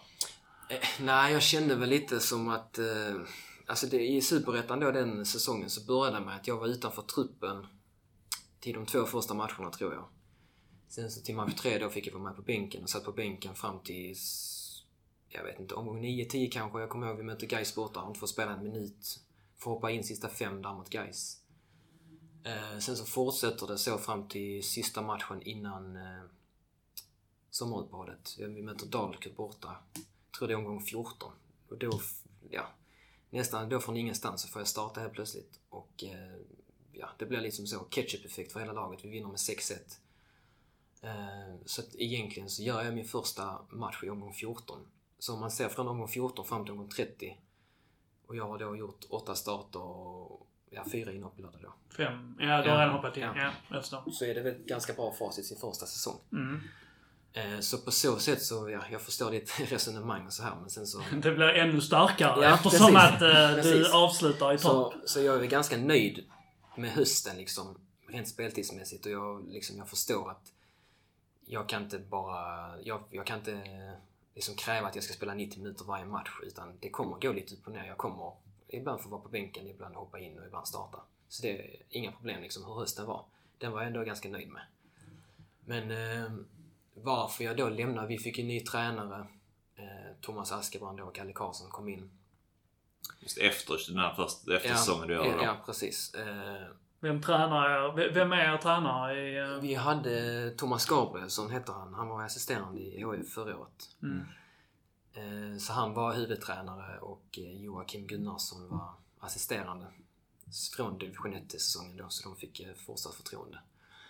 Eh, Och ja, alltså jag fick ju ingen speltid där i början som var inne på. Jag, ja, jag gick ju in där liksom mer eller mindre efter varje match och undrade vad, vad jag kunde förbättra för att jag ville bli bättre. Och även liksom, eh, ja, bara ville kolla liksom vad, Du var inne och knackade på dörren liksom hos tränarna. Ja, exakt. Och, Man vill ju ändå, jag är inte den som eh, går och skäller ut en tränare för att jag inte får spela utan men jag vill ändå veta för att jag vill utveckla mig själv. Mm. Så jag var väl där inne efter ja, ett antal matcher och frågade liksom vad jag behöver förbättra och då sa han att jo men du behöver förbättra ditt eh, försvarsspel och framförallt din eh, aggressivitet i försvarsspelet. Så då tänkte jag att ja, det är väl någonting som jag liksom har hört innan för andra tränare att det är inte min största, eller största styrka utan jag, det är klart att jag jobbar på det. Så gjorde jag det. Det gick någon match till och jag frågade liksom vad, ja, vad tycker du? Har det blivit bättre? Har det inte blivit bättre? Han sa jo men det har blivit jättemycket bättre. Eh, och då tänkte jag att ja men vad bra, då gör jag ändå framsteg liksom. Och så tänkte jag men varför får jag inte spela då? För att det var inte så att vi vann varje match där på våren utan det var ganska knackigt. Liksom. Vi, vi tog våra poäng absolut. Vi var inte eh, sist i tabellen men vi spelade inte jättebra heller. Det var mycket liksom eh, folk utifrån som, eh, som tyckte att vi inte skapade tillräckligt mycket. Det var inte mycket kreativitet. Och då, då, kände jag liksom att om det är något jag kan bidra med så är det väl ändå att vara lite kreativ och försöka skapa målchanser och så här. Så då tänkte jag att någon gång måste jag få chansen. Kanske inte från start, men ligger vi under med 1-0 eller 2-0 i 60 minuter, släng in mig då. Vad har ni att liksom förlora? Eh, men, ja. Är det liksom, vad ska man säga, de du konkurrerar med då, är det liksom lite mer åt det fysiska hållet de spelarna? Eller vad ja, du spelar alltså... i din, eh, din mall också som du konkurrerar med där? Eller hur tycker Nej, du? man får väl ändå säga det var ett ganska storvuxet lag rent generellt, Västerås. Eh, absolut duktiga fotbollsspelare rent teknikmässigt och så. Men de, de hade ju fysiken på sin sida, men för mig speciellt mm. inom mittfältarna då.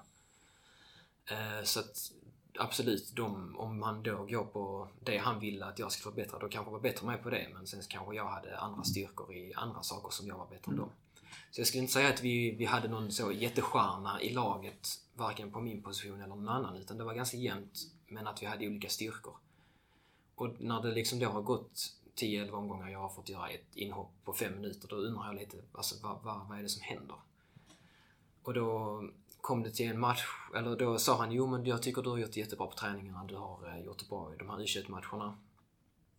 Eh, så att eh, du ligger bra till inför helgen. Så tänkte jag, ja men fan vad, fan vad bra liksom. Då känner man ändå att man, man är med liksom i racet. Och så gick träningarna. Och sen så kommer vi till nästa, dagen innan matchträning och jag är inte med i startelvan igen. Och liksom, ja fine, vi, vi tar matchen och sen så får jag snacka efter. Jag kommer inte ens in. Och sen så efter eh, matchen då, träningen eh, veckan eller dagen efter, så frågade jag liksom vad, vad, vad, varför fick jag inte spela? Och då sa han att jo men det var egentligen tänkt att du skulle få starta men det ändrade sig i sista sekund eh, och vi hade en matchplan under matchen om att du skulle få hoppa in men det blev inte så på grund av olika anledningar. Vad blev matchen? Jag vet inte, vi vann inte i alla fall. Vi förlorade säkert. Mm. eller oavgjort kanske, jag vet inte. Ja. Och då tänkte jag liksom, men du kan inte säga att du har tänkt starta med mig men så får jag inte hoppa in överhuvudtaget. Mm. Så, det kändes inte riktigt som att det var på lika villkor där. För jag tyckte ändå att jag var tillräckligt bra för att spela. Inte att jag skulle spela 90 varje match, men ändå hoppa in när vi inte spelar särskilt bra. Och sen så kom den här Dalkit-matchen då och jag får spela lite från ingenstans och det blir liksom, ja, en riktig sån kalasmatch liksom. 6-1. Och vi går på sommaruppehåll och sen så när vi kommer tillbaka då så, då är jag liksom ja, men typ gjuten i startelvan. Liksom. Jag startar fyra, fem matcher där direkt efter sommaruppehållet. Jag tycker jag gör det ja, helt okej okay, liksom. Bra. Eh, men vi har lite svårt att vinna, ta poäng. Jag tror vi har tre kryss och en förlust där. Så då blir det att han känner att han vill förändra någonting och då, då åker jag liksom ur startelvan igen. Och sen så, ja som jag var inne på innan så får jag starta lite ibland och ibland får jag hoppa in och ibland sitter jag kvar på bänken liksom därefter, så, därefter tycker jag ändå speltiden var okej. Okay och mm. Det var ändå någonting som var rättvist liksom, efter bedömning på spelare som jag inte tyckte på våren. Så att, ja, jag är ganska så nöjd rent spelmässigt eh, med hösten där. Eh, och sen så kommer vi då... Eller han får ju sparken då, Thomas eh, Gabrielsson då, med fyra matcher kvar. Och vi är liksom i botten och vi räddar till, till sist kontraktet och sen så tar de Vem in. tar över? Vem äh, rattar skutan? Ja, det var väl någon, ja vad heter han nu? Han, eh, Markstedt heter han. Peter, Peter Markstedt? Ja, precis, ja, precis. Ja. Mittback anfallare. Mittback anfallare. Ja, exakt. H eh, Hammarby. Precis. Ja, så han tog över där sista fyra matcherna och det var någon annan intern läsning också. De plockade upp någon från mm. I19 och hur går det för dig i de avslutande matcherna? Där får jag inte spela så mycket tror jag. Så säga det, du, du känns inte som en Markstedt-spelare? Nej, det var lite mer eh, säkra liksom kort, stora fysiska. Var det lite längre bollar innan så var det ju mm. lite mer extremt nu. Men vi klarade kontraktet och liksom, han hade en uppgift och han löste det. Mm. Så det är inget att säga om det. Och sen så tar de då in Askabrand och eh, Kalle Karlsson då till nästa säsong och ja, han eh, man, man märker vilket sätt han vill spela på liksom och han, eh, när vi har pratat så har han sagt att alltså, han går ju in för att göra det bästa för laget. Han kollar på spelartyperna och sen sätter han sin spelidé efter det. Och vi hade ganska mycket liksom, eh, löp, eh, löpstarka spelare, starka spelare fysiskt. Eh, så han sa till mig, eller jag märkte på träningsmatcherna att jag var inte prioriterad och sen så var vi på träningsläger. Då inför kuppen 2020 blev det väl. Så vi, vi pratar liksom och ja, jag, jag vill bara liksom veta att, hur ser du på mig? Och han är ärlig och säger liksom att så som jag vill spela så kommer jag utnyttja lagets kapacitet och det blir lite, lite det blir kanske lite längre bollar, lite mer omställningsspel. Vi kommer ligga lågt i försvaret och sen ställa om och just nu så, så finns det bättre spelare än dig på din position som kan det bättre. Och liksom jag, inga problem med det med en tränare som tycker så. Och, Mm. och att han säger till det, det uppskattar jag jättemycket. Så då, då skulle vi byta spelsystem till 3-4-3 och jag var kanske femte alternativ på innermittfältet. Och då, då kände jag att, ja, det är klart att jag kan vara kvar här och kriga om min plats. Eh, Men jag kände ändå att jag vill inte ha en sån vår som jag hade förra året. För att det, det gynnar inte mig alls att sitta liksom här. Känns som du blev lite bränd av den våren där. Att när Ja. du pratar om det nu att det liksom, Mm. eh, det tog emot och Mm. var Uttu den, eh, den våren i Ja. Västerås liksom. Jo men absolut, det tog ju liksom på... Ja men det tog på en mentalt liksom och, och känna att man inte riktigt... Ja men man blev... Jag skulle inte säga att jag blev orättvist behandlad, absolut inte. Men att det, det var lite... Lite orättvist att inte jag fick chansen Mm. åtminstone. Så att det tog på en mycket men... eh, Ja, så därför valde jag då att, att lämna för att jag ville ha speltid och... Då blev det liksom Eskilsminne igen. Du du, lämnar, du lämnar ganska sent också ändå. Alltså du Ja. sa ni är inne, inne ändå kuppens-spel och ni har varit inne, alltså ni är rätt så bra bit in på, på, eh, på försäsongen. Ja, jag kommer ihåg, vi var på träningsläger där precis innan då Corona bröt ut och vi hade cupmatch mot Göteborg skulle vi spela där på, på lördagen eller vad det är. Jag tog beslutet på torsdagen kanske innan första cupmatchen att jag ville lämna.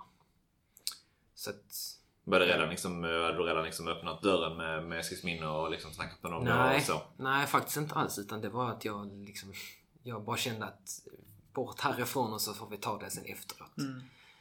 Eh, Men eh, annars så trivdes jag alltså, jättebra i laget. Jättebra killar och så här. Allt runt omkring. Jag har blivit jättebra behandlad så. Liksom, de har tagit hand om mig. Så det är inget liksom så, utan det är mer liksom speltid. Min fotbollsutveckling som jag kände att nej.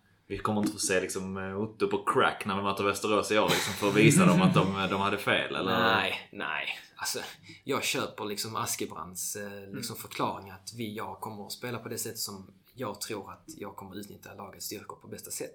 Samtidigt kan du inte känna att eh, du hade kunnat göra det de andra skulle göra? Fast på ditt sätt? Jo, alltså jag känner ändå att jag har väl ändå gjort lite samma sak i Eskilsminne. Mm, exakt. Så att jag, jag tror absolut att jag hade kunnat göra det.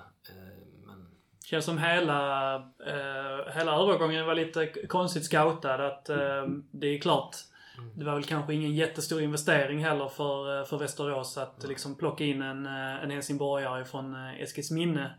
Men det är nonetheless liksom en varvning och du är en del av truppen så. Och sen så är ingen speltid, inte ens med i, i trupperna. Och sen så Mm. får du spela lite och hoppa in och ut. Och sen då, egentligen då så, till nästa år så blir det ju nästan egentligen att det är då kommer du in i, ett, i, i någonting som verkar påminna mer om det du egentligen har spelat tidigare i Eskils, Mm. Eskilsminne. Men då blir du tillsagd att du egentligen inte passar in. Mm. Ehm, det är liksom två sidor, mm, Ja. nästan samma sak men ändå vitt, Mm. vitt skilt också. Nej, men då, det var inte samma personer som tog mig till Västerås som var kvar då när, som, de, som tog in Askebrand som tränare, utan det, de hade bytt sportchef och så. Mm. Eh, och sportchefen som de hade då, Robin Blomé, han sa att han, han trodde jättemycket på mig och ville verkligen att jag skulle vara kvar för han, han såg någonting i mig som han tyckte, var, tyckte om. Men sen så förstod han också mitt beslut att ja, det är tränaren som bestämmer liksom. Han bestämmer spelsätt Mm. och ja, jag klandrar faktiskt inte han för att kollar man på spelartyperna de har och det har man även sett liksom nu i kuppen de gick till semifinal på sitt sätt att spela. Har gjort det jättebra. Så att, alltså jag, jag, jag tycker om liksom Askebrand så som person och jag tycker han har gjort det bra som, Mm. som tränare. Sen så är det synd att, ja, att jag inte fick plats i, i laget. Men eh, han sa också att hade vi haft andra spelartyper som var mer lika dig och vi hade varit ett bollförande lag då hade, då hade han satt mig liksom i startelvan som första gubbe. Mm. Men nu spelar vi inte på det sättet.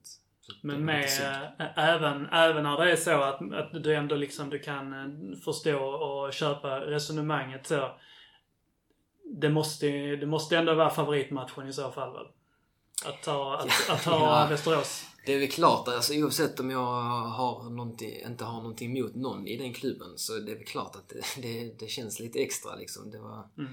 det var väl eh, en av de första matcherna man kollade upp i spelprogrammet att när, när ska jag till Västerås liksom. Så, att, Mm. eh, så det, det är klart det ska bli... Kanske du kan besöka din gamla etta också. Ja, precis. Nej, Plocka upp tv-spelet. jag håller mig borta från eh, den ettan. Man vill ju se ett saftigt firande framför, framför motståndarbänken om det blir, om det blir mål också. Mm. Ja, vi får se. Man ska... Man ska horungar. Ja, exakt.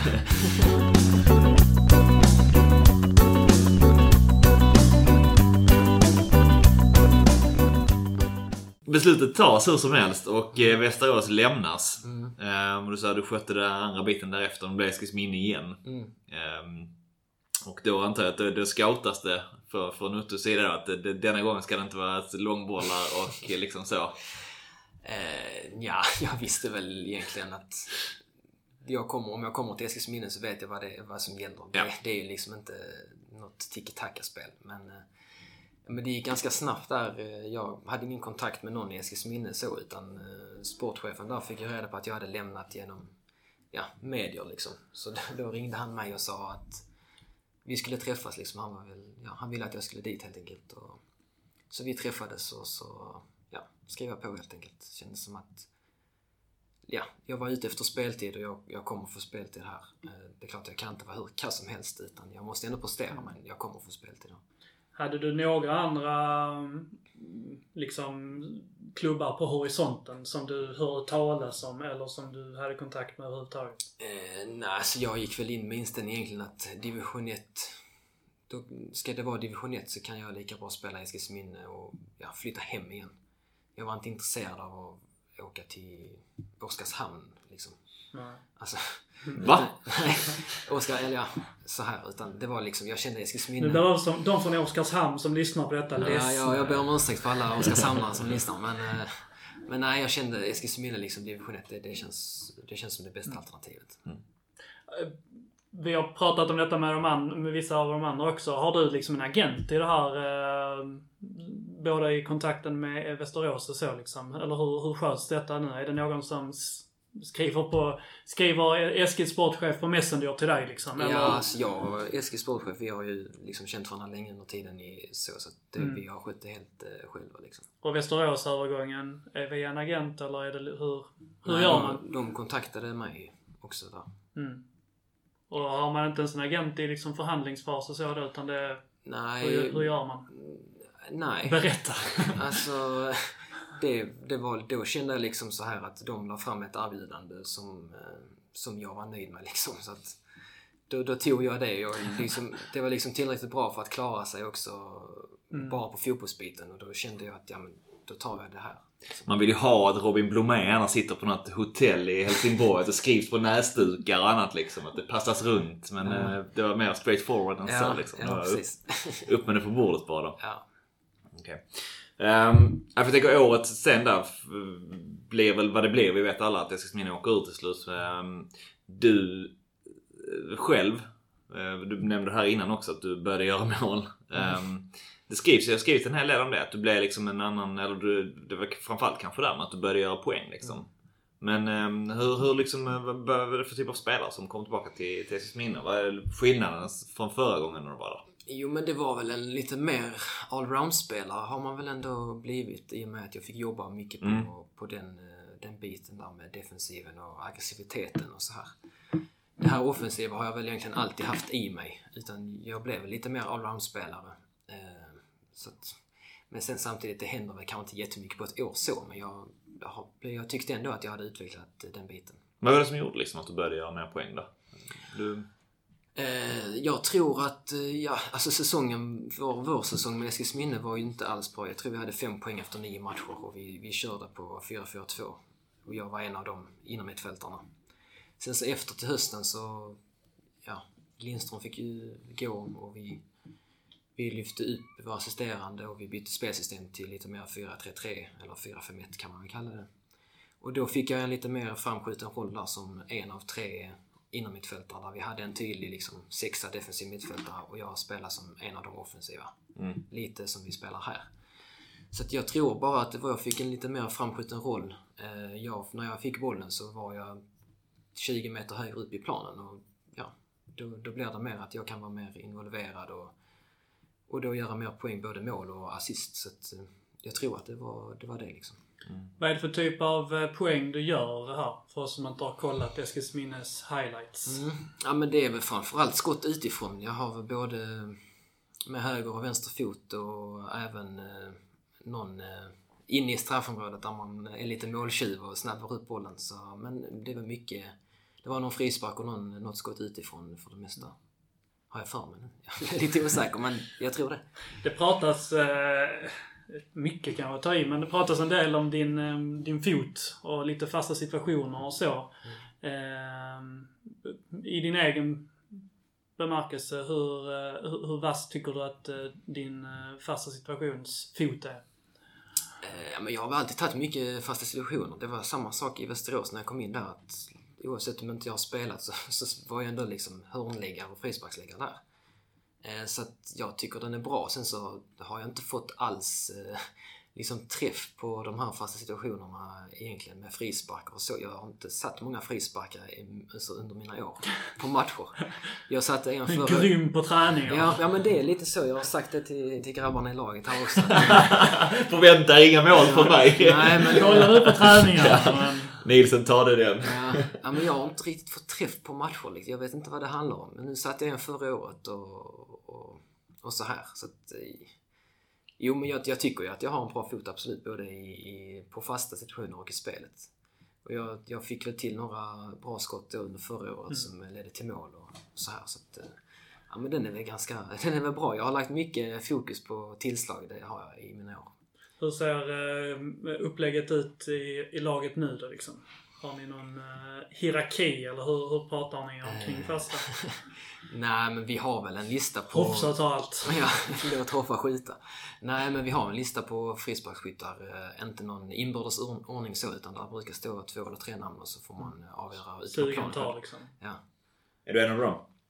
Jag har nog stått med där alla matcher jag har spelat. Känns som du lätt så här blir bortknuffad då när, när Ni- Nielsen kommer liksom och får feeling så att du inte riktigt eh, bröstar upp dig. Ja, en rolig sak var första matchen eh, mot Mjällby, tror jag det var.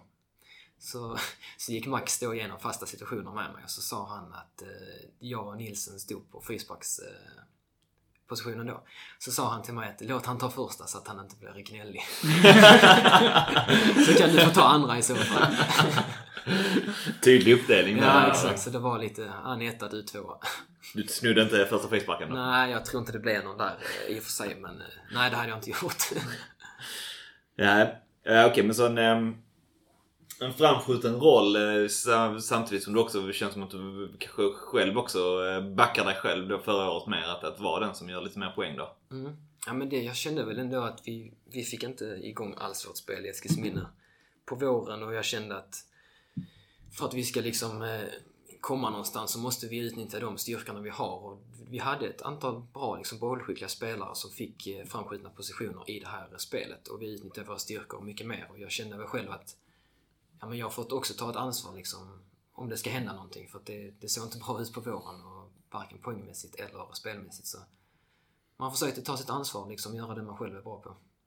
Märkte du någon skillnad då efter att ha gjort den här säsongen i Superettan och liksom lite förbättrade träningsmöjligheter och säkert träningstillfällen för den delen också. Man kunde liksom känna det att när du då kom tillbaka ett år senare så att eh, liksom mera tid med bollen, lättare att göra det här och sådär. Kan du liksom känna att tänka för dig själv att eh, vad lättare det blev helt plötsligt, att det blev en annorlunda fotboll du kunde göra? Jo, men absolut, det är ju tydligt. Nu ska man inte prata ont om Eskilsminne så, men det är klart att det är en skillnad att gå från Superettan till Eskilsminne. Eh, Så att både på träningar och på matcher mot andra division 1-lag så kände man att man, man har mer tid än vad man hade då. Så att, eh, men sen samtidigt, det är lite så att går du en, ner en nivå, Mm. det vet jag många pratar om också, så du kommer liksom, då går du in i, och ner i deras tempo som de har där. Mm. På samma sätt som du går upp i tempo när du går upp en nivå. Så att det är klart, jag tänkte på det i början att oj, här har jag mycket tid, här smäller det inte. Men sen så, så tänker man inte så mycket mer på det sen. Det finns ju också en styrka i att vara en spelare som liksom alltid anpassar sig till nivån man, eh, man befinner sig i.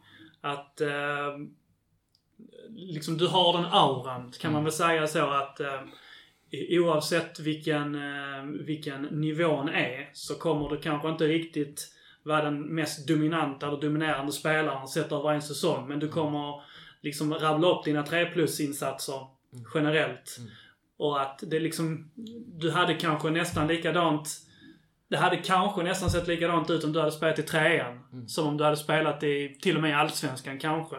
Att en del spelare har den känslan att kommer aldrig vara bäst i laget. Men jag kommer alltid liksom ligga jämnt på den nivån. Eh, Jag kan tänka mig att du liksom säkert har snubblat över några sådana i till exempel i Eskil. Fast där taket kanske har liksom nåtts. Men de är 3 plus i ettan, men de hade kanske till och med varit 3 plus i femman. Att den spelaren finns och det är liksom en jävligt underskattad spelartyp. Man är liksom, man, man håller sig till, man är anpassad för nivån man är på. Mm. Snarare än att man liksom, Men jag tänker det säger väl också rätt så mycket. Det handlar, många gånger tänker jag att det handlar om att man vet, alltså man vet vad man är bra på. Man vet kanske också vad man inte är lika bra på. Liksom, eller vad man behöver göra för, för att anpassa det spelet. Liksom. Att eh, har man inte den Alltså jag tänker att det gör att man också, för att det är skillnaden är väl som sagt klart tempo och så liksom. Men det kommer man väl in i efter ett tag också. Mm. Ehm, att, nej men jag, jag hör vad du säger. Så det är också i den, ehm, i en sån, att de spelarna, man, man kan känna igen det bara som man har varit med på en lägre nivå. Så man kan se upp högre Mm. också, att de, de finns alltid. Ser neat and tidy ut liksom, ser bra ut. Och det är väl kanske de som inte heller riktigt blir kanske Kanske inte blir upplockade av akademier så i ung ålder för att de, man sticker inte ut riktigt. mm, Eh, samtidigt som man är liksom, ja, det är självklart för de som spelar med en att man det är en jävligt bra spelare liksom. mm. Men jag tänker du är inne på det här egentligen, började prata boys, boys-tid redan nu när du tar, tar klivet över. Um, du, alltså, det kändes som att det var ju klart. Det, det blev väl officiellt redan, vad är det, typ dagen efter Boys grupp i, i Superettan. Exakt. Ehm, hur länge pågick det? Eh, Snacket innan liksom? Hur, ehm, Vad jobbigt att kolla kvalet. Ja, det, det var väl en nervositet som man inte riktigt har varit eh, med om innan. Alltså det är alltid jobbigt att sitta liksom, på läktaren om man, om man är skadad och laget spelar. Men det här var ju ändå någonting helt annat för att jag... Jag har inte varit någon del av laget, men jag vet om att jag kommer att vara det Mm. nästa år och det de gör under 180 minuter det kommer att påverka mig väldigt mycket. Mm. Så det var, det var en speciell känsla när man satt där framför TV-skärmen såklart. Eh, Men eh, jag kände väl eh, ganska så snabbt kanske, eller efter, för, eller i första matchen att det kändes som att det ska mycket till för att Dalkurd ska gå segrande det här. Jag kände att Boys är bättre. Alltså helt klart. Sen är det klart det blir nervöst när de gör 1-0 på, Mm. på studenternas där och eh, de trycker på, trycker på, trycker på och sen så kommer det här 1 målet och då, då kunde man andas ut såklart. Mm. Men eh, ja, för det, är ju- det är ju spännande då. Du skriver klart på innan då egentligen, även om det inte är officiellt. Så du vet inte om det är en division 1-klubb eller om det är en superettan-klubb du kommer spela för förra året, Ja. året efter. Då var det, det fanns liksom inte, för jag menar, gången innan du lämnade Eskil så var du rätt så tydlig med att du ville uppåt och testa det. Nu åker Eskilsminne ner den här gången. Mm. Så även om det är division 1 så hade det varit ett steg uppåt från Eskilsminne liksom. Men där, då var det inte liksom lika självklart för dig att det skulle vara superettan. Eh, nej, då kände jag väl mer att nu har jag varit liksom i Eskilsminne och Västerås. Eh, jag vill... Eh, ska jag liksom ta mig någonstans så måste jag komma till ett ställe som, som kan utveckla mig och passa min speltid verkligen till 100%. För där har jag inte varit någon gång under, ja, under någon gång i min karriär egentligen. Eh, och Boys eh, då med Billy i spetsen kontaktade mig väl, eh, ja vad kan det ha varit? Några matcher kvar där på, på säsongen. Kanske tre matcher kvar. Eh, och kollade hur min situation såg ut så här och ja, han hade ju koll på att mitt kontrakt gick ut.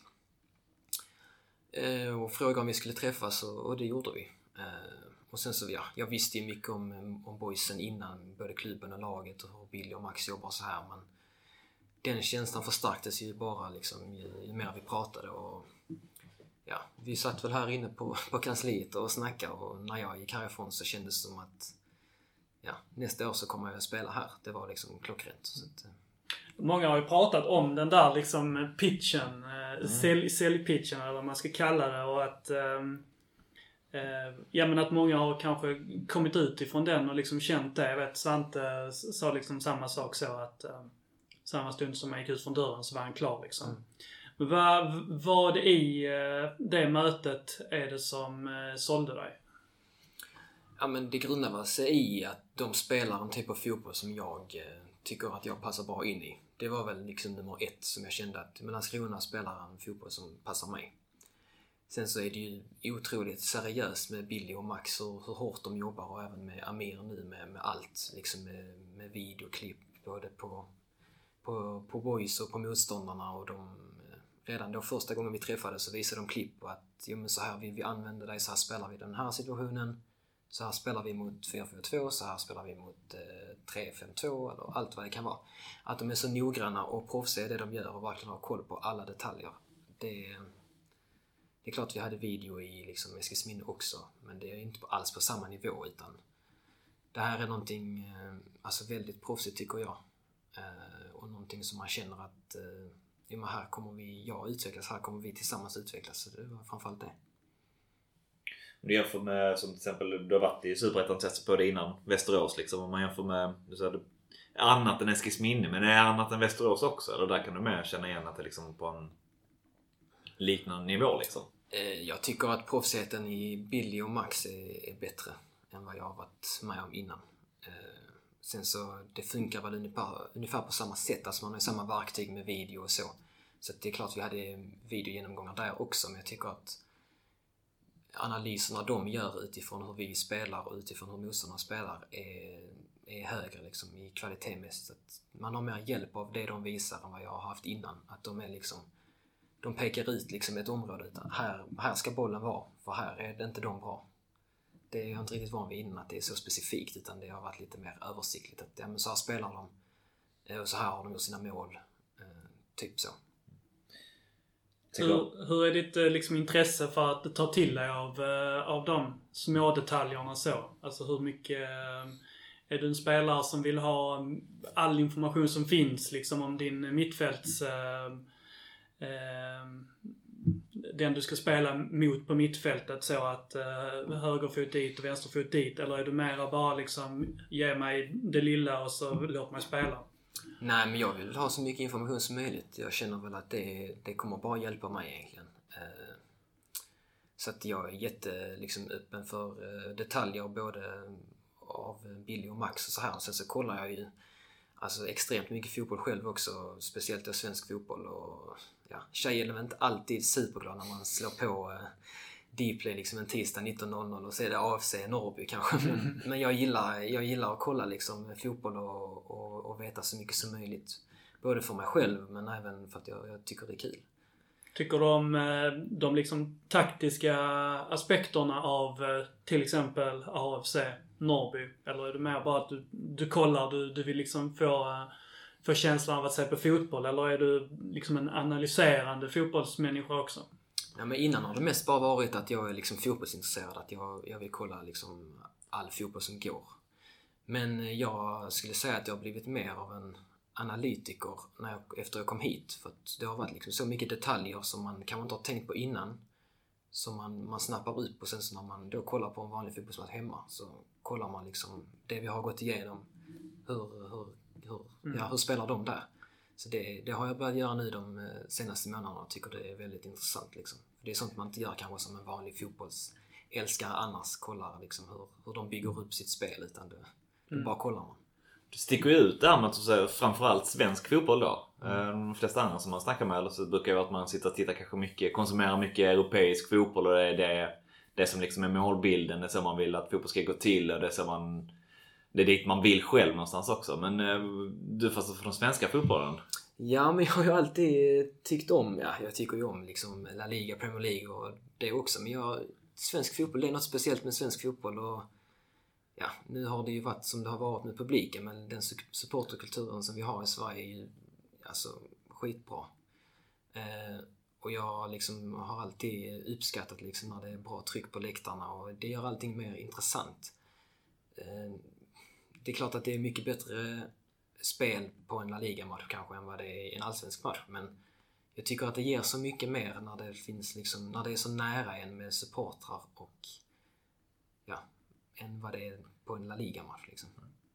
Har du någon sån... Eh, du har ju, som vi pratade om innan, några matcher med Eskil och liksom genom åren har det ju varit några lag som har varit nere i division 1. Inte minst Boys liksom, men även Örgryte och lite liknande liksom. Är det någon speciell match i, i, från Västerås-tiden? Någon speciell arena liksom som, eh, som du minns med, med lite extra gott minne?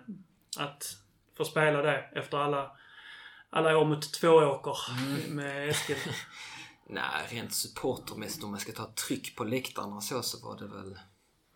Ja, det var väl Gais kanske som stack ut. Det var väl ganska bra tryck där liksom. Eh, då fick jag också hoppa in så jag kanske minns det lite mer. Men sen så det året där var det väl inte så mycket med... Det var väl, ja, med supportrar så. Jönköping var väl okej okay, liksom. Eh, men sen så finns det ju många andra lag som det händer inte så mycket för liksom. Mm. Norrby, AFC och ja, ni vet ju själva. Mm. Så att, eh, men det absolut, det är några lag där man liksom tänder till lite extra om man så här. Mm. Mm. Um, ja, men tänker det, som du var inne på här med den um, taktiska biten, att det känns liksom ehm, det, det gjorde att du blev, blev sugen på uppdraget i Boys liksom. Att det fanns en väldigt eh, tydlig utstakad bild. Man vet vad man vill, man vet vad man förväntar sig av er som spelare också. Vi har bland annat Filip Olsson här innan och några till som vi snackat med. Man pratar en del om Boys, ett lite komplicerat spelsätt liksom. Så att det, eh, det är inte helt lätt att komma in hur, hur har det funkat för dig tycker du? Jo men som du säger och som Fille då har sagt att det är komplicerat. Alltså det är ju mycket med, med detaljer och så här som man inte är van vid innan. Eh, men eh, då direkt när eh, Boys liksom hörde av sig och visade intresse då, då, liksom, då kollar jag jag kollar ju ofta på matcher i ettan liksom, i och med att det har sänds på, på HD då. Så jag har kollat mycket boysmatcher men då har jag då liksom kollat, börjat kolla på gamla matcher, hur verkligen spelar de och så här och försöka liksom kolla på den positionen jag kommer att spela på. Hur, hur gör de där? Liksom med Filip Olsson och Zuma som spelar mest förra året och Passi också. Så att jag känner väl att jag kanske har ett litet försprång jämfört med de andra som har kommit in och är nya. För att jag har kollat så mycket på på detaljer liksom i hur, hur man ska stå och hur de vill, hur antagligen Billy och Max vill att man ska agera. Så jag tycker det har, kom, eller det har gått ganska snabbt faktiskt och det känns som att jag kom in i det ganska direkt faktiskt. Känner du att det är det liksom den positionen du huserar på nu? Lite mer framskjuten liksom nummer åtta position. Känner du liksom att det, är det din position eller är du mer egentligen den här djupliggande mittfältaren som hämtar boll? Eh, nej men jag skulle nog säga alltså att den positionen som jag spelar på nu här, att den är nog ganska så optimal liksom för mitt eh, spel. Alltså där kan jag gå djupt och hämta, inte för djupt, men jag kan ändå vara med i spelutbyggnaden. Men även vara med offensivt. Eh, ofta så blir det lite att man gör varken, eller man gör det ena eller det andra kanske.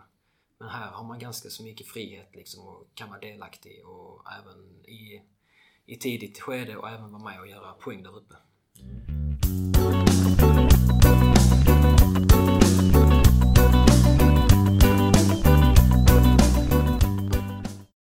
Ni är ju några stycken som konkurrerar om de här tre platserna. Vad, vad tycker du att du kan ehm, att du kan bidra med som, ehm, som kanske inte de andra riktigt har? Var, var tycker du att du sticker ut? Usch, ja, det är svårt att säga. Det är klart att vi alla är olika spelartyper. Ehm, Eh, ja, nu tycker jag inte de andra liksom har eh, dålig passningsfot och sådär, men jag ser ju min passningsfot som ett av mina största vapen och min spelförståelse, speluppfattning.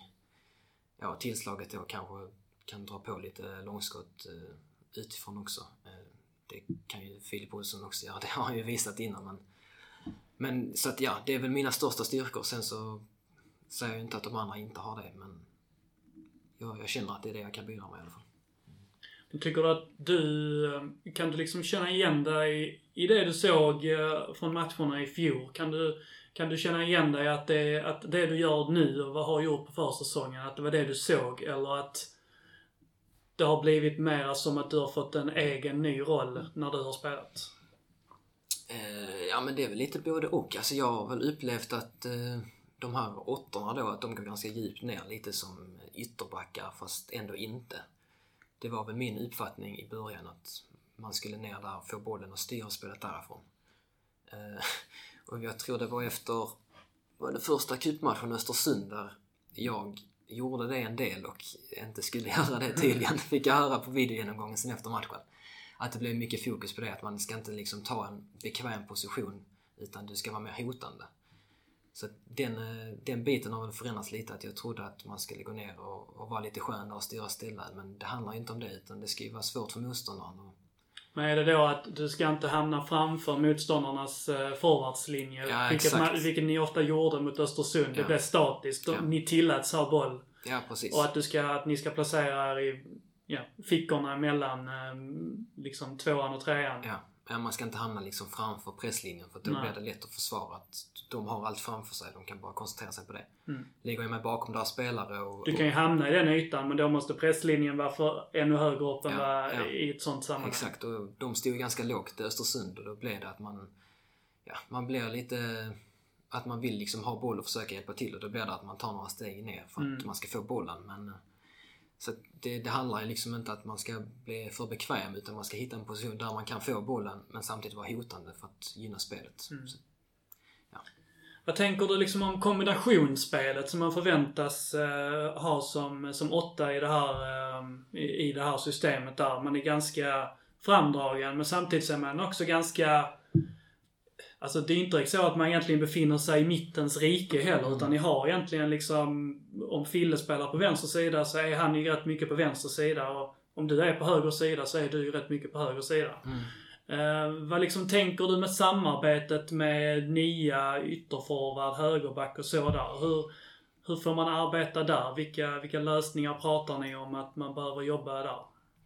Ja men som du säger, det blir inte så mycket samarbete 8-8 för vi har oftast ganska så långt emellan oss. Eh, Så det blir mer att man får kombinera med ytterback och kanske ytterforward framförallt.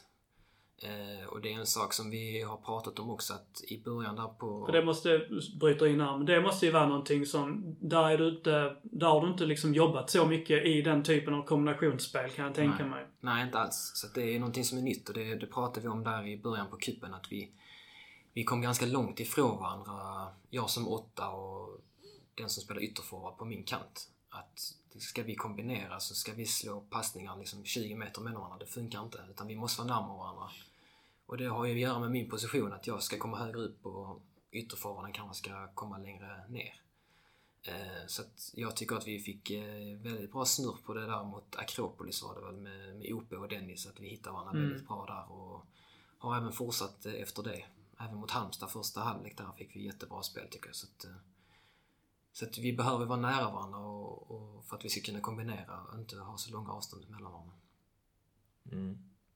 Um, mår du lite bra av att tvingas in? Du var inne på det innan, liksom, att du är kanske en som annars ehm, du tar din tid liksom och hittar, hittar rätt och det är klart då kan man ju lägga sig i ytterposition och, och spela lite boll liksom. Att det, är Mm. lite, det, det kan, kan ju vara lite bekvämt liksom, innan man hittar rätt i det.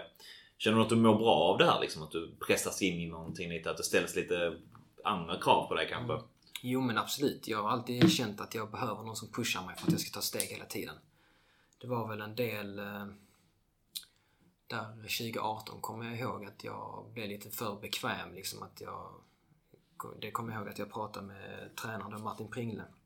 Att han tyckte jag blev lite för bekväm, att jag inte tog i riktigt till 100% utan eh, att jag liksom behöver någon som ibland säger till mig att kom igen nu liksom, du, du är inte färdig. Så det, det gillar jag absolut här, att man blir pushad hela tiden och till nya utmaningar. Det tycker jag Billy och Max är jättebra på. Att ge tips liksom, att göra så här istället, ligg i den här positionen istället för där för att då får du andra möjligheter liksom i andra skedet. Så att det, det är någonting som jag trivs med. Har du blivit förvånad över hur pass eh, enkelt och bra det har gått för dig? Man kollar bara till speltid och förtroende till exempel. Nu vet jag inte hur det har sett ut på träningarna till exempel. Men bilden utifrån är ju att du har slottats in i laget väldigt, eh, väldigt enkelt. Mm. Eh, nej, förvånad skulle jag inte säga. Så jag tycker väl att det har gått ganska bra liksom. Eh, från, eh, ja, men från dag ett egentligen. Kanske inte att jag var liksom eh, jätte, jättebra i början på matcherna. Eh, utan det, jag tror att där Akropolis-matchen och framåt tycker jag att det har gått alltså mycket bättre. Jag var väl okej okay första matcherna men att jag har höjt mig från det. Eh, så förvånad är jag väl inte kanske men eh, sen visste jag om också från början att det finns jättebra spelare i truppen och, och speciellt på, på mittfältet där jag huserar så att... Eh, Eh, nej, jag är inte förvånad kanske men... Ja, jag vet om att slappnar jag av så kommer någon annan spela istället för mig. Så det, man måste liksom vara på tå hela tiden. Jag tänker du att du behöver visa liksom, fortsätta göra av liksom för att du ska få behålla den här platsen? Ja men fortsätta liksom vara stabil eh, som den grunden jag har lagt och sen så utvecklas därifrån som jag känner att jag har kommit igång lite nu på slutet. Att eh, ta lite mer initiativ, våga gå lite mer framåt. Försöka kombinera som vi var inne på och ta sig fram och bli mer hotande.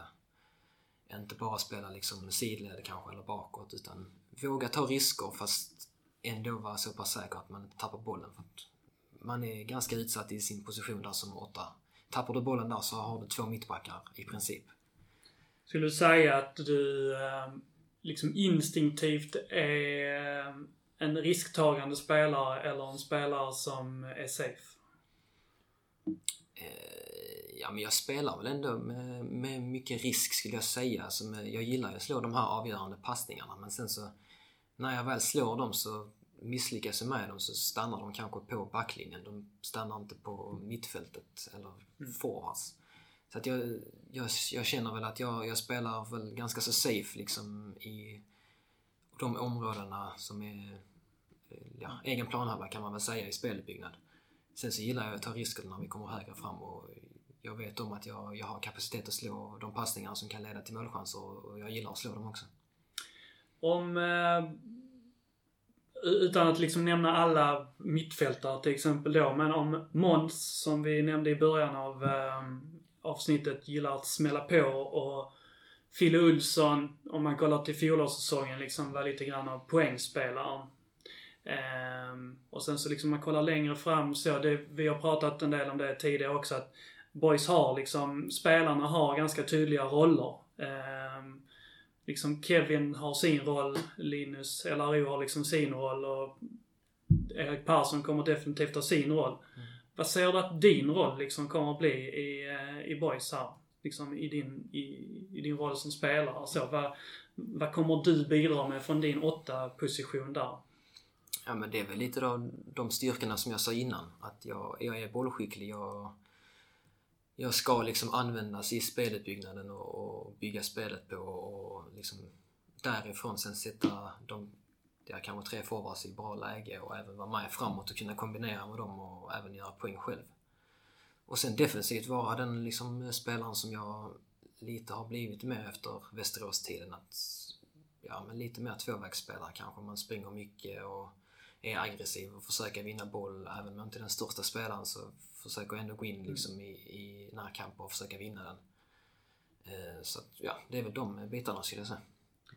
Eh, bara hoppar egentligen fram och tillbaka men eh, du har redan gjort så här, tagit steget till, till Västerås som är liksom, var liksom en klubb som, eh, liksom om jag bara känner med fingret i luften, har en aktiv supporterkultur och folk är liksom engagerade i, i VSK fotboll eh, i liksom orten. Och så är det ju absolut här i Landskrona också. Så var det kanske inte i Eskilsminne. Alltså så, man, man, man, man får sköta sitt lite grann. Eh, hur, hur reagerar du på det liksom? Att det var mycket krav utifrån. Att man kanske, man får höra om man slår en felpass, man får höra om man liksom inte gör det man ska. Mm. Eh, hur, hur reagerar du som, som människa på, på de typer av uh, utifrånstryck? Eh, nej, men som jag sa innan med supporterkulturen i Sverige, det är fantastiskt. Och jag, alltså jag hade älskat att spela inför eh, ett fullsatt IP liksom. Eh, där folk liksom eh, skriker om man gör något fel och skriker om man gör någonting bra. Det är det jag, jag triggas av det. Så att, eh, det, ja, jag känner bara att det är någonting som höjer mig. Det är inget mm. som jag, jag går inte och gömmer mig för att det är... Ta inte åt när någon sa till dig att uh, gå till frisören liksom. Nej, nej precis. Uh, så att jag, jag känner inte att jag går och gömmer mig för att det är mycket folk på läktarna eller jag, jag vågar inte göra saker för att det är mycket folk på läktarna eller att folk tycker det ena och det andra. De tycker att jag ska göra si och så fast jag har fått instruktioner om att nej, gör så här istället. Jag, jag blir inte så påverkad av det runt omkring så. Eh, känner jag själv och det tyckte jag inte jag blev liksom, i Västerås-tiden heller. Det är bara ytterligare någon som du mår bra av att pushas lite av kanske?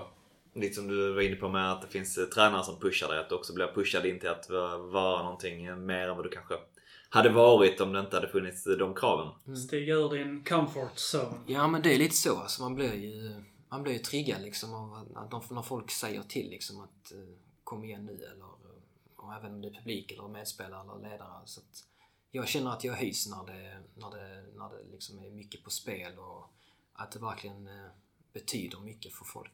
Att man höjer sig själv. Mm. Mm. Från tiden, eh, från året i Superettan. Eh, om du är tvungen att svara antingen eller. Vilken är den största skillnaden när man tar steget upp? Är det den liksom fysiska kvaliteten på spelarna eller är det den liksom tekniska kvaliteten? Nej, jag skulle säga den fysiska. Det är liksom bättre fysiska mm. exemplar. Ja. Där finns ju spelare i division som är jätteskickliga med, med bollen.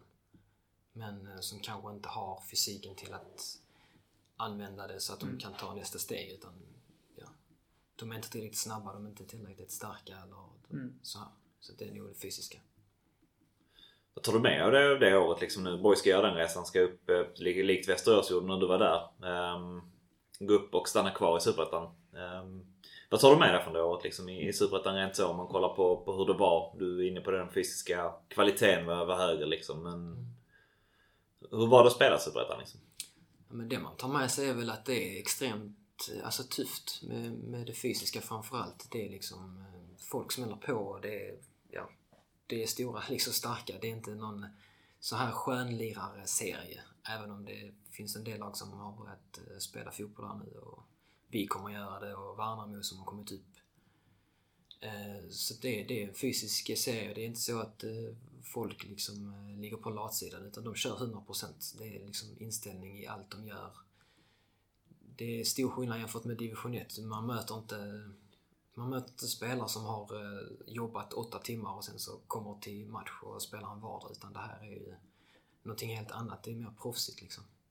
Att folk lägger ner mer, känns det som, av sin energi på just fotbollen. Och kanske inte tar det i andra hand som kanske är i division 1 ibland. Om du jämför de två äh, årgångarna då, dina superettan-erfarenheter. Hur, hur tycker du de två trupperna står i, i jämförelse till varandra?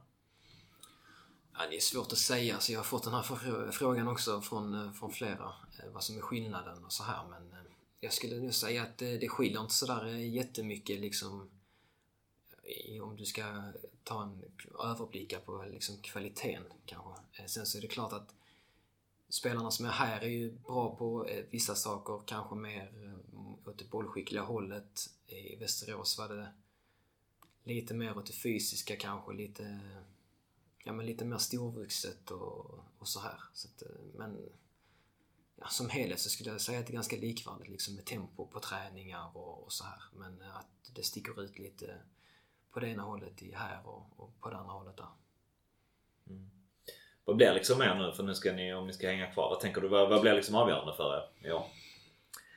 Ja, men det är väl mycket som ska, som ska sitta för att vi ska göra en bra säsong såklart. Eh, jag känner ju att Boys har ett bra grundspel eftersom att de har spelat på samma sätt i två år och i princip haft eh, samma spelare till sitt förfogande.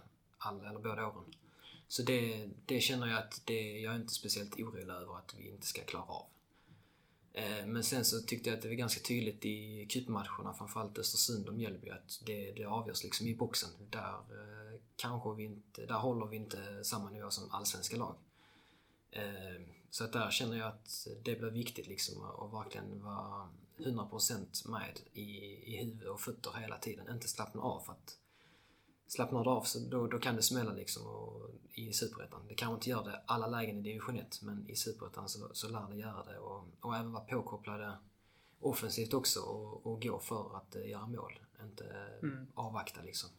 Samtidigt inga eh, det är inga, inga revolutionerande ord. Det är ju i princip, antar jag, att om en spelare, om du hade suttit och tagit steget från tvåan till ettan så hade du sagt mm. exakt samma sak. Att skillnaden är att eh, man blir straffad på ett helt annat sätt liksom. Mm. Eh, så det är ju liksom samma klyschor som man använt i, i alla år liksom. Ja, och även där med boxarna, samma liksom. Eh, ja. Det är liksom ingen, det är inga Inga hemligheter. Det, det antar jag att ni, ni visste liksom, och ni har förstått det också. Ja. Nej, men det är ju tråkigt att, att, säga kanske, men det är ju så det funkar. Alltså, det, är, det är små marginaler som avgör och de här marginalerna blir viktigare och viktigare ju högre upp man kommer. Det, det är bara att konstatera faktiskt. Mm. Då tänker du att du kommer att bidra med att så blir fallet då? Att ni liksom ska hålla den här eh, att orka liksom. Eh, att inte, att inte slappna av, att liksom bli effektiva i boxarna. Så hur, hur bidrar du till det? Liksom? Alltså nu i min position som, som mittfältare så kanske inte jag egentligen är jättemycket i, i någon av boxarna så mycket som om jag hade varit mittback eller nia. Men för mig blir det mer att om vi tappar bollen att jag eh, att jag liksom löper hem 100% inte 90% för att de här sista två metrarna kanske blir viktiga i boxen sen. Att inte jag hinner ner. Eh, och sen även liksom vara med och, och, och påtala liksom för de andra att fokus hela tiden nu. Slappna inte av bara för att vi har gjort ett mål precis. Utan alltid vara påkopplad hela tiden för att liksom så påkopplad som man är i början av matcherna. Det är ju inte ofta det händer så mycket bakåt i början av matcherna för att alla är påkopplade. Alla är liksom 100% i pressen. Att vi hela tiden ska bibehålla det under 90 minuter. Att få med alla liksom på, på det och inte att vi ska slappna av. Det, det tror jag är viktigt. Mm. Hur mycket egenansvar har ni på plan att eh, liksom avgöra hur ni ska balansera ert, ert uppdrag. Att, eh, att ibland så kommer det komma till matcher där man liksom, det funkar inte, det stämmer inte. Vi kan inte spela upp här nu för att nu har vi, vi tappar bollen 9 av 10 gånger. Mm. Eh, av olika anledningar. Det har liksom, alla har liksom varit i en sån situation. Och eh, troligtvis, det kommer ju komma de matcherna också där det liksom inte riktigt, det kommer inte funka. Det kommer vara en knutig gräsplan. Och så kommer liksom eh, uppspelet från, från ytterback upp till åtta kommer liksom inte sitta.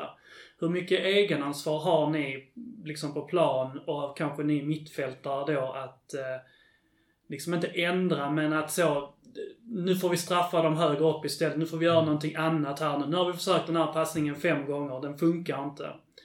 Har ni liksom ett mandat då att slå den långt istället? Skicka upp här nu. Nu jobbar vi i 10 minuter istället. Att man liksom ändrar där? Eller är det liksom så, gör det tills ni dör? Nej, nej, så gör det tills ni dör. Så är det absolut inte. Vi hade väl en ganska färsk eh, situation här under Österlen-matchen i andra halvlek där vi vi hade liksom motvind i, i andra halvlek och vi envisades om att spela ut eh, från Svante ut till mittbackar och vi skulle hitta igenom istället för bara lägga den längre för att mm. de stod liksom uppe på oss. Exakt. Eh, och där var vi inte tillräckligt bra i våra, i våra beslut att vi kunde inse det själva och lägga den längre. Utan vi fortsatte och försökte. Ehm, och det är klart att det, så ska det inte vara. Vi måste ju, vi måste kunna inse när det blir fel. Och att inte spela bara för att vi ska spela för då kanske vi får ett mål i, i baken istället. Utan då är det bättre att lägga den längre och så jobbar vi efter det. Mm. Ehm, det som är viktigt då när man, när man, om man ska byta lite att alla är införstådda med att nu är det detta som gäller så att inte vissa är kvar i sina positioner. Att nej, nu ska vi lira nere i straffområdet.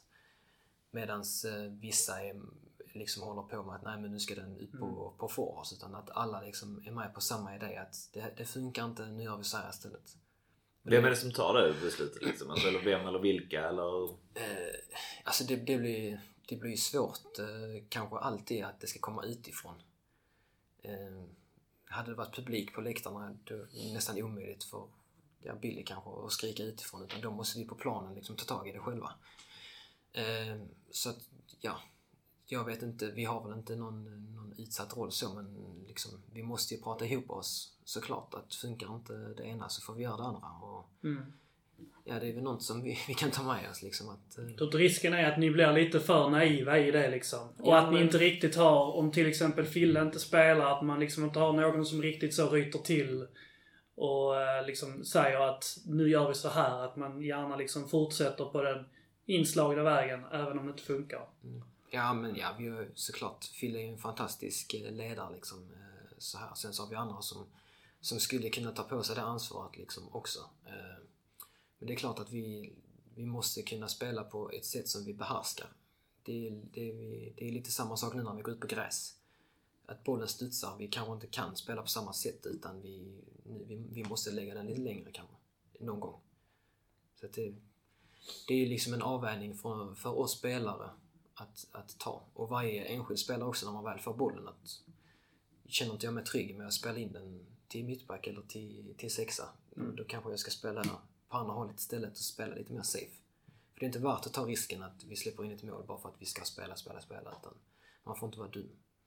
En sak som vi också pratat lite grann om är att eh, laget i sig egentligen har eh, saknat en eh, liksom en spelfördelare, eller liksom en bra, en bra, en, en stark passningsfot. Eh, Fille Olsson fick lite grann av det i slutet på i fjolårssäsongen, men att det är liksom inte riktigt någon egentligen i laget som har som har det som en av sina positiva egenskaper, att man har en bra fot. Mm. Både liksom i instick men också liksom i lite längre. Måns är väl liksom det närmsta, men han är inte riktigt liksom i, i passningsspelet på det sättet. Eh, är du liksom en sån spelare? Jag såg någon, eh, någon jämförelse där du liksom beskrevs som en Pirlo-typ. Har du lite grann av den här quarterbacks-rollen i dig också? Att du tycker om att eh, liksom slå crossbollar, liksom de lite längre bollarna över backlinjen och så också. Du har inte mm. nämnt det så mycket, men är det en del av ditt sätt att spela också? Jo, det är ingenting jag har sett så mycket av heller när jag har sett på matcherna. Nej, nej men absolut. Den där längre crossbollen är väl något som jag känner att jag också är bra på. Och den, framförallt eh, har man väl använt den i Eskils minne liksom när man har spelat som en av två centrala mittfältare. Att den här crossen ut på yttermittfältare till exempel. Mm. Den har man använt sig av mycket och ja, det är också ett vapen som jag känner att jag har. Sen så... Men det, det är inget som liksom, vad ska man säga, prelimineras i ert sätt att spela? Om jag, om jag liksom tolkar det ja, rätt så. Alltså, det, det beror på lite hur, eh, på matchbild och så. Vi har mött ganska mycket fembackslinjer och den här crossbollen då från min högersida ut till mm. vänsterback, den, den blir ganska begränsad när de har fem som står på linje. Och i och med att vi spelar så högt med våra ytterbackar som vi gör så, ja, ska jag mm. krossa den så måste den i så fall vara bakom backlinjen så de kan löpa på den. Mm. Du tänker typ cross liksom till, eh, till ytter, till din liksom bortre ytterforward, men liksom mera då som över, över backlinjen mm. och så. Är det liksom någonting som du tycker att ni använder i er repertoar? För det är liksom det är inte heller någon eh, liksom passning eller variant som jag tycker att jag har sett, varken i fjol eller liksom under försäsongen. Nej, men det är väl en passning som jag är, annars är van vid att slå. Alltså att man chippar in den eller sveper mm. över den på bortre mittback liksom och så attackerar man därifrån. Väldigt effektivt att slå för att det är svårt att försvara mot. Så det har jag faktiskt pratat eh, en del om med de som har spelat eh, bortre mm. ytterforward. Men de är kanske inte vana vid att riktigt söka den löpningen för att tidigare nej. så har det ju inte varit att några riktigt har liksom valt att försöka slå den heller. Nej, kan det vara så? Ja, exakt. Och det, det känner jag att då i början när jag kom hit att man kollade ut på liksom leta efter löpningar och så kom den inte. Så då har jag snackat med dem liksom att löp, det är bara att löpa liksom så, så kommer du få mm. den. Jag kommer kanske inte sätta alla men du kommer få den. När, när du väl får den så är det friläge i princip. Sen så är det inte någon, någon passning som vi har gått igenom med laget att vi ska slå eh, liksom mm. så här. Men det är någonting som jag, jag känner att vi, vi kan utnyttja mer liksom. För att det, det är en bra passning att slå. Mm. Jag tänker de har väl eh, synts här mer och mer de senaste matcherna också. Att du har vågat att spela dem. Jag tänker senast framförallt mot Österlen men även som du nämner Akropolis-matchen. Att det, det, det gavs lite ut, utrymme för att slå den typen av passningar på ett annat sätt också kanske. Ja precis. Jo men det, det känner jag väl att det, det har öppnat upp sig lite mer och mer och man lär känna varandra också ju mer tiden går. Att vet de att jag, jag gillar att slå den så, så kanske de löper liksom. Vet de inte det, nej då stannar de. Mm. För att de inte är vana vid det.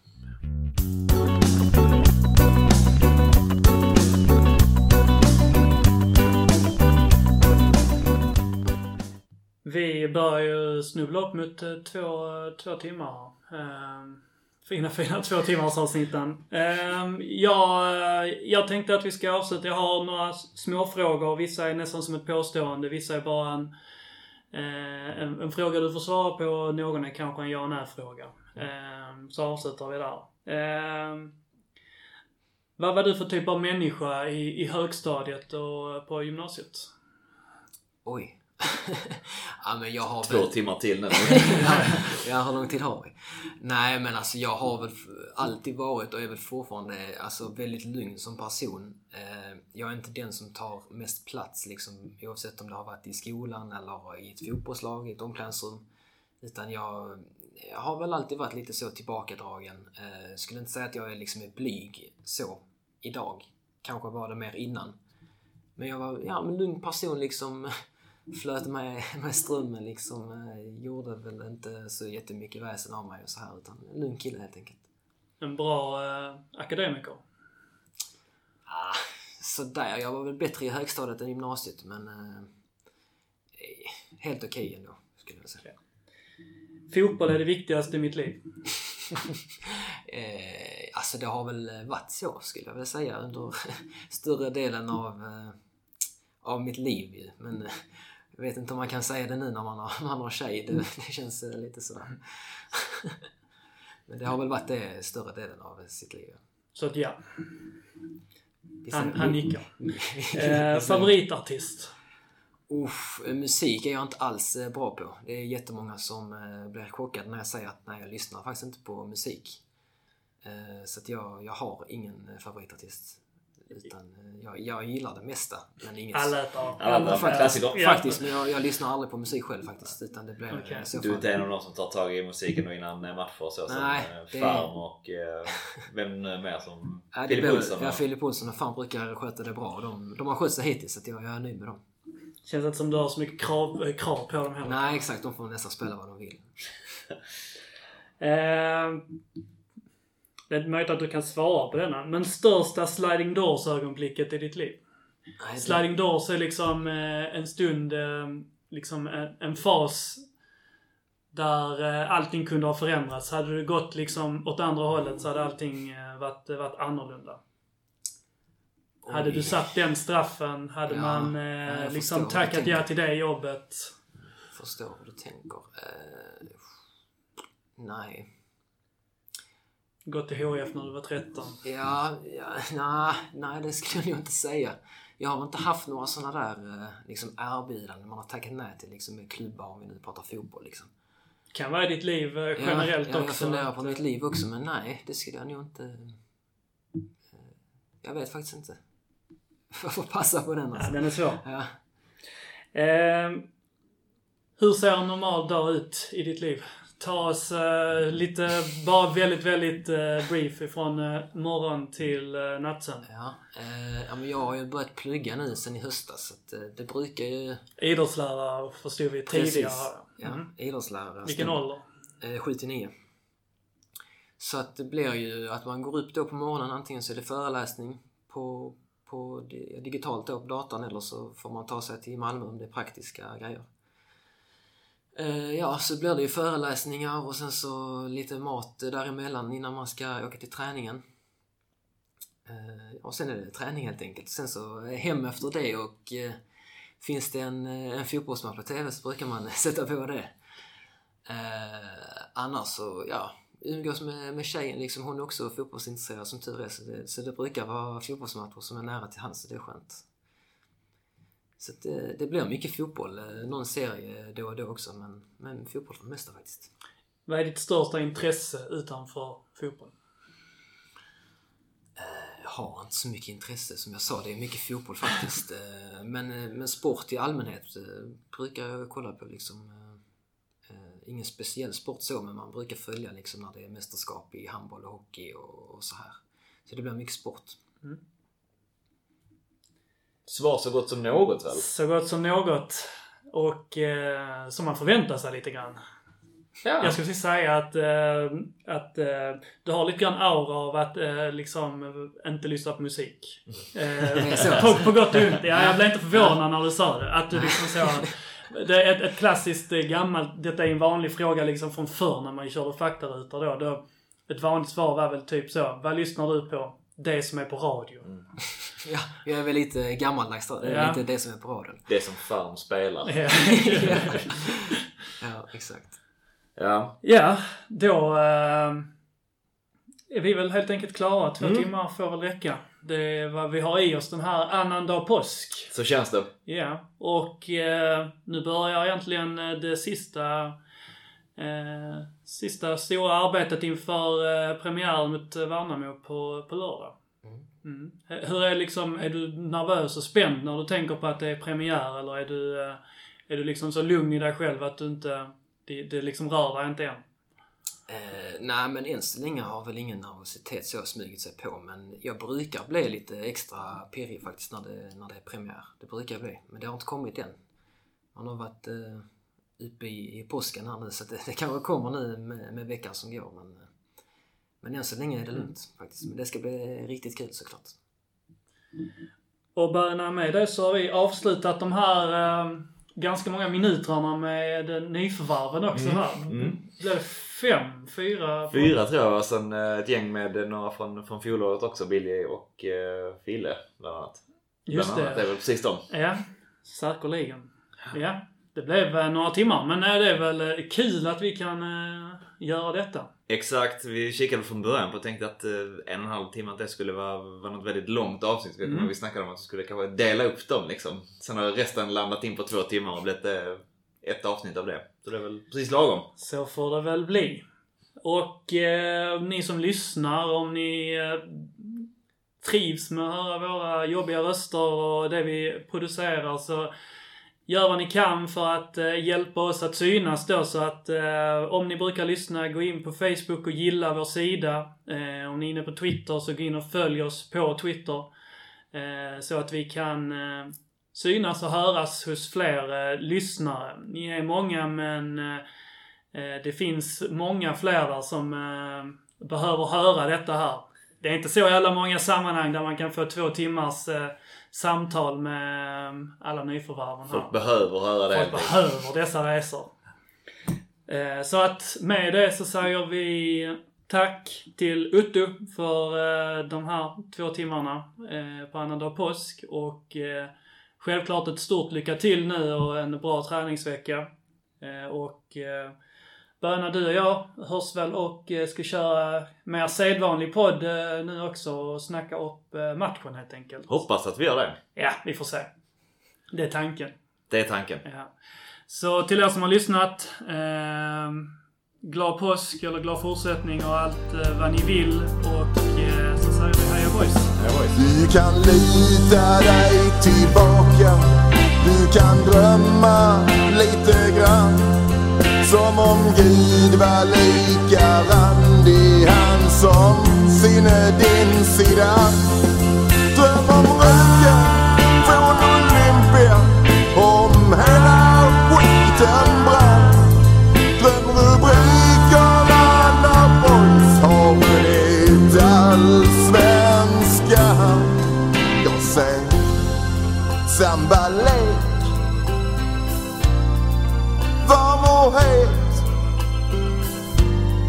Jag ser grym överlägsenhet. Ja, du ser väl det själv Vilket underbart lag.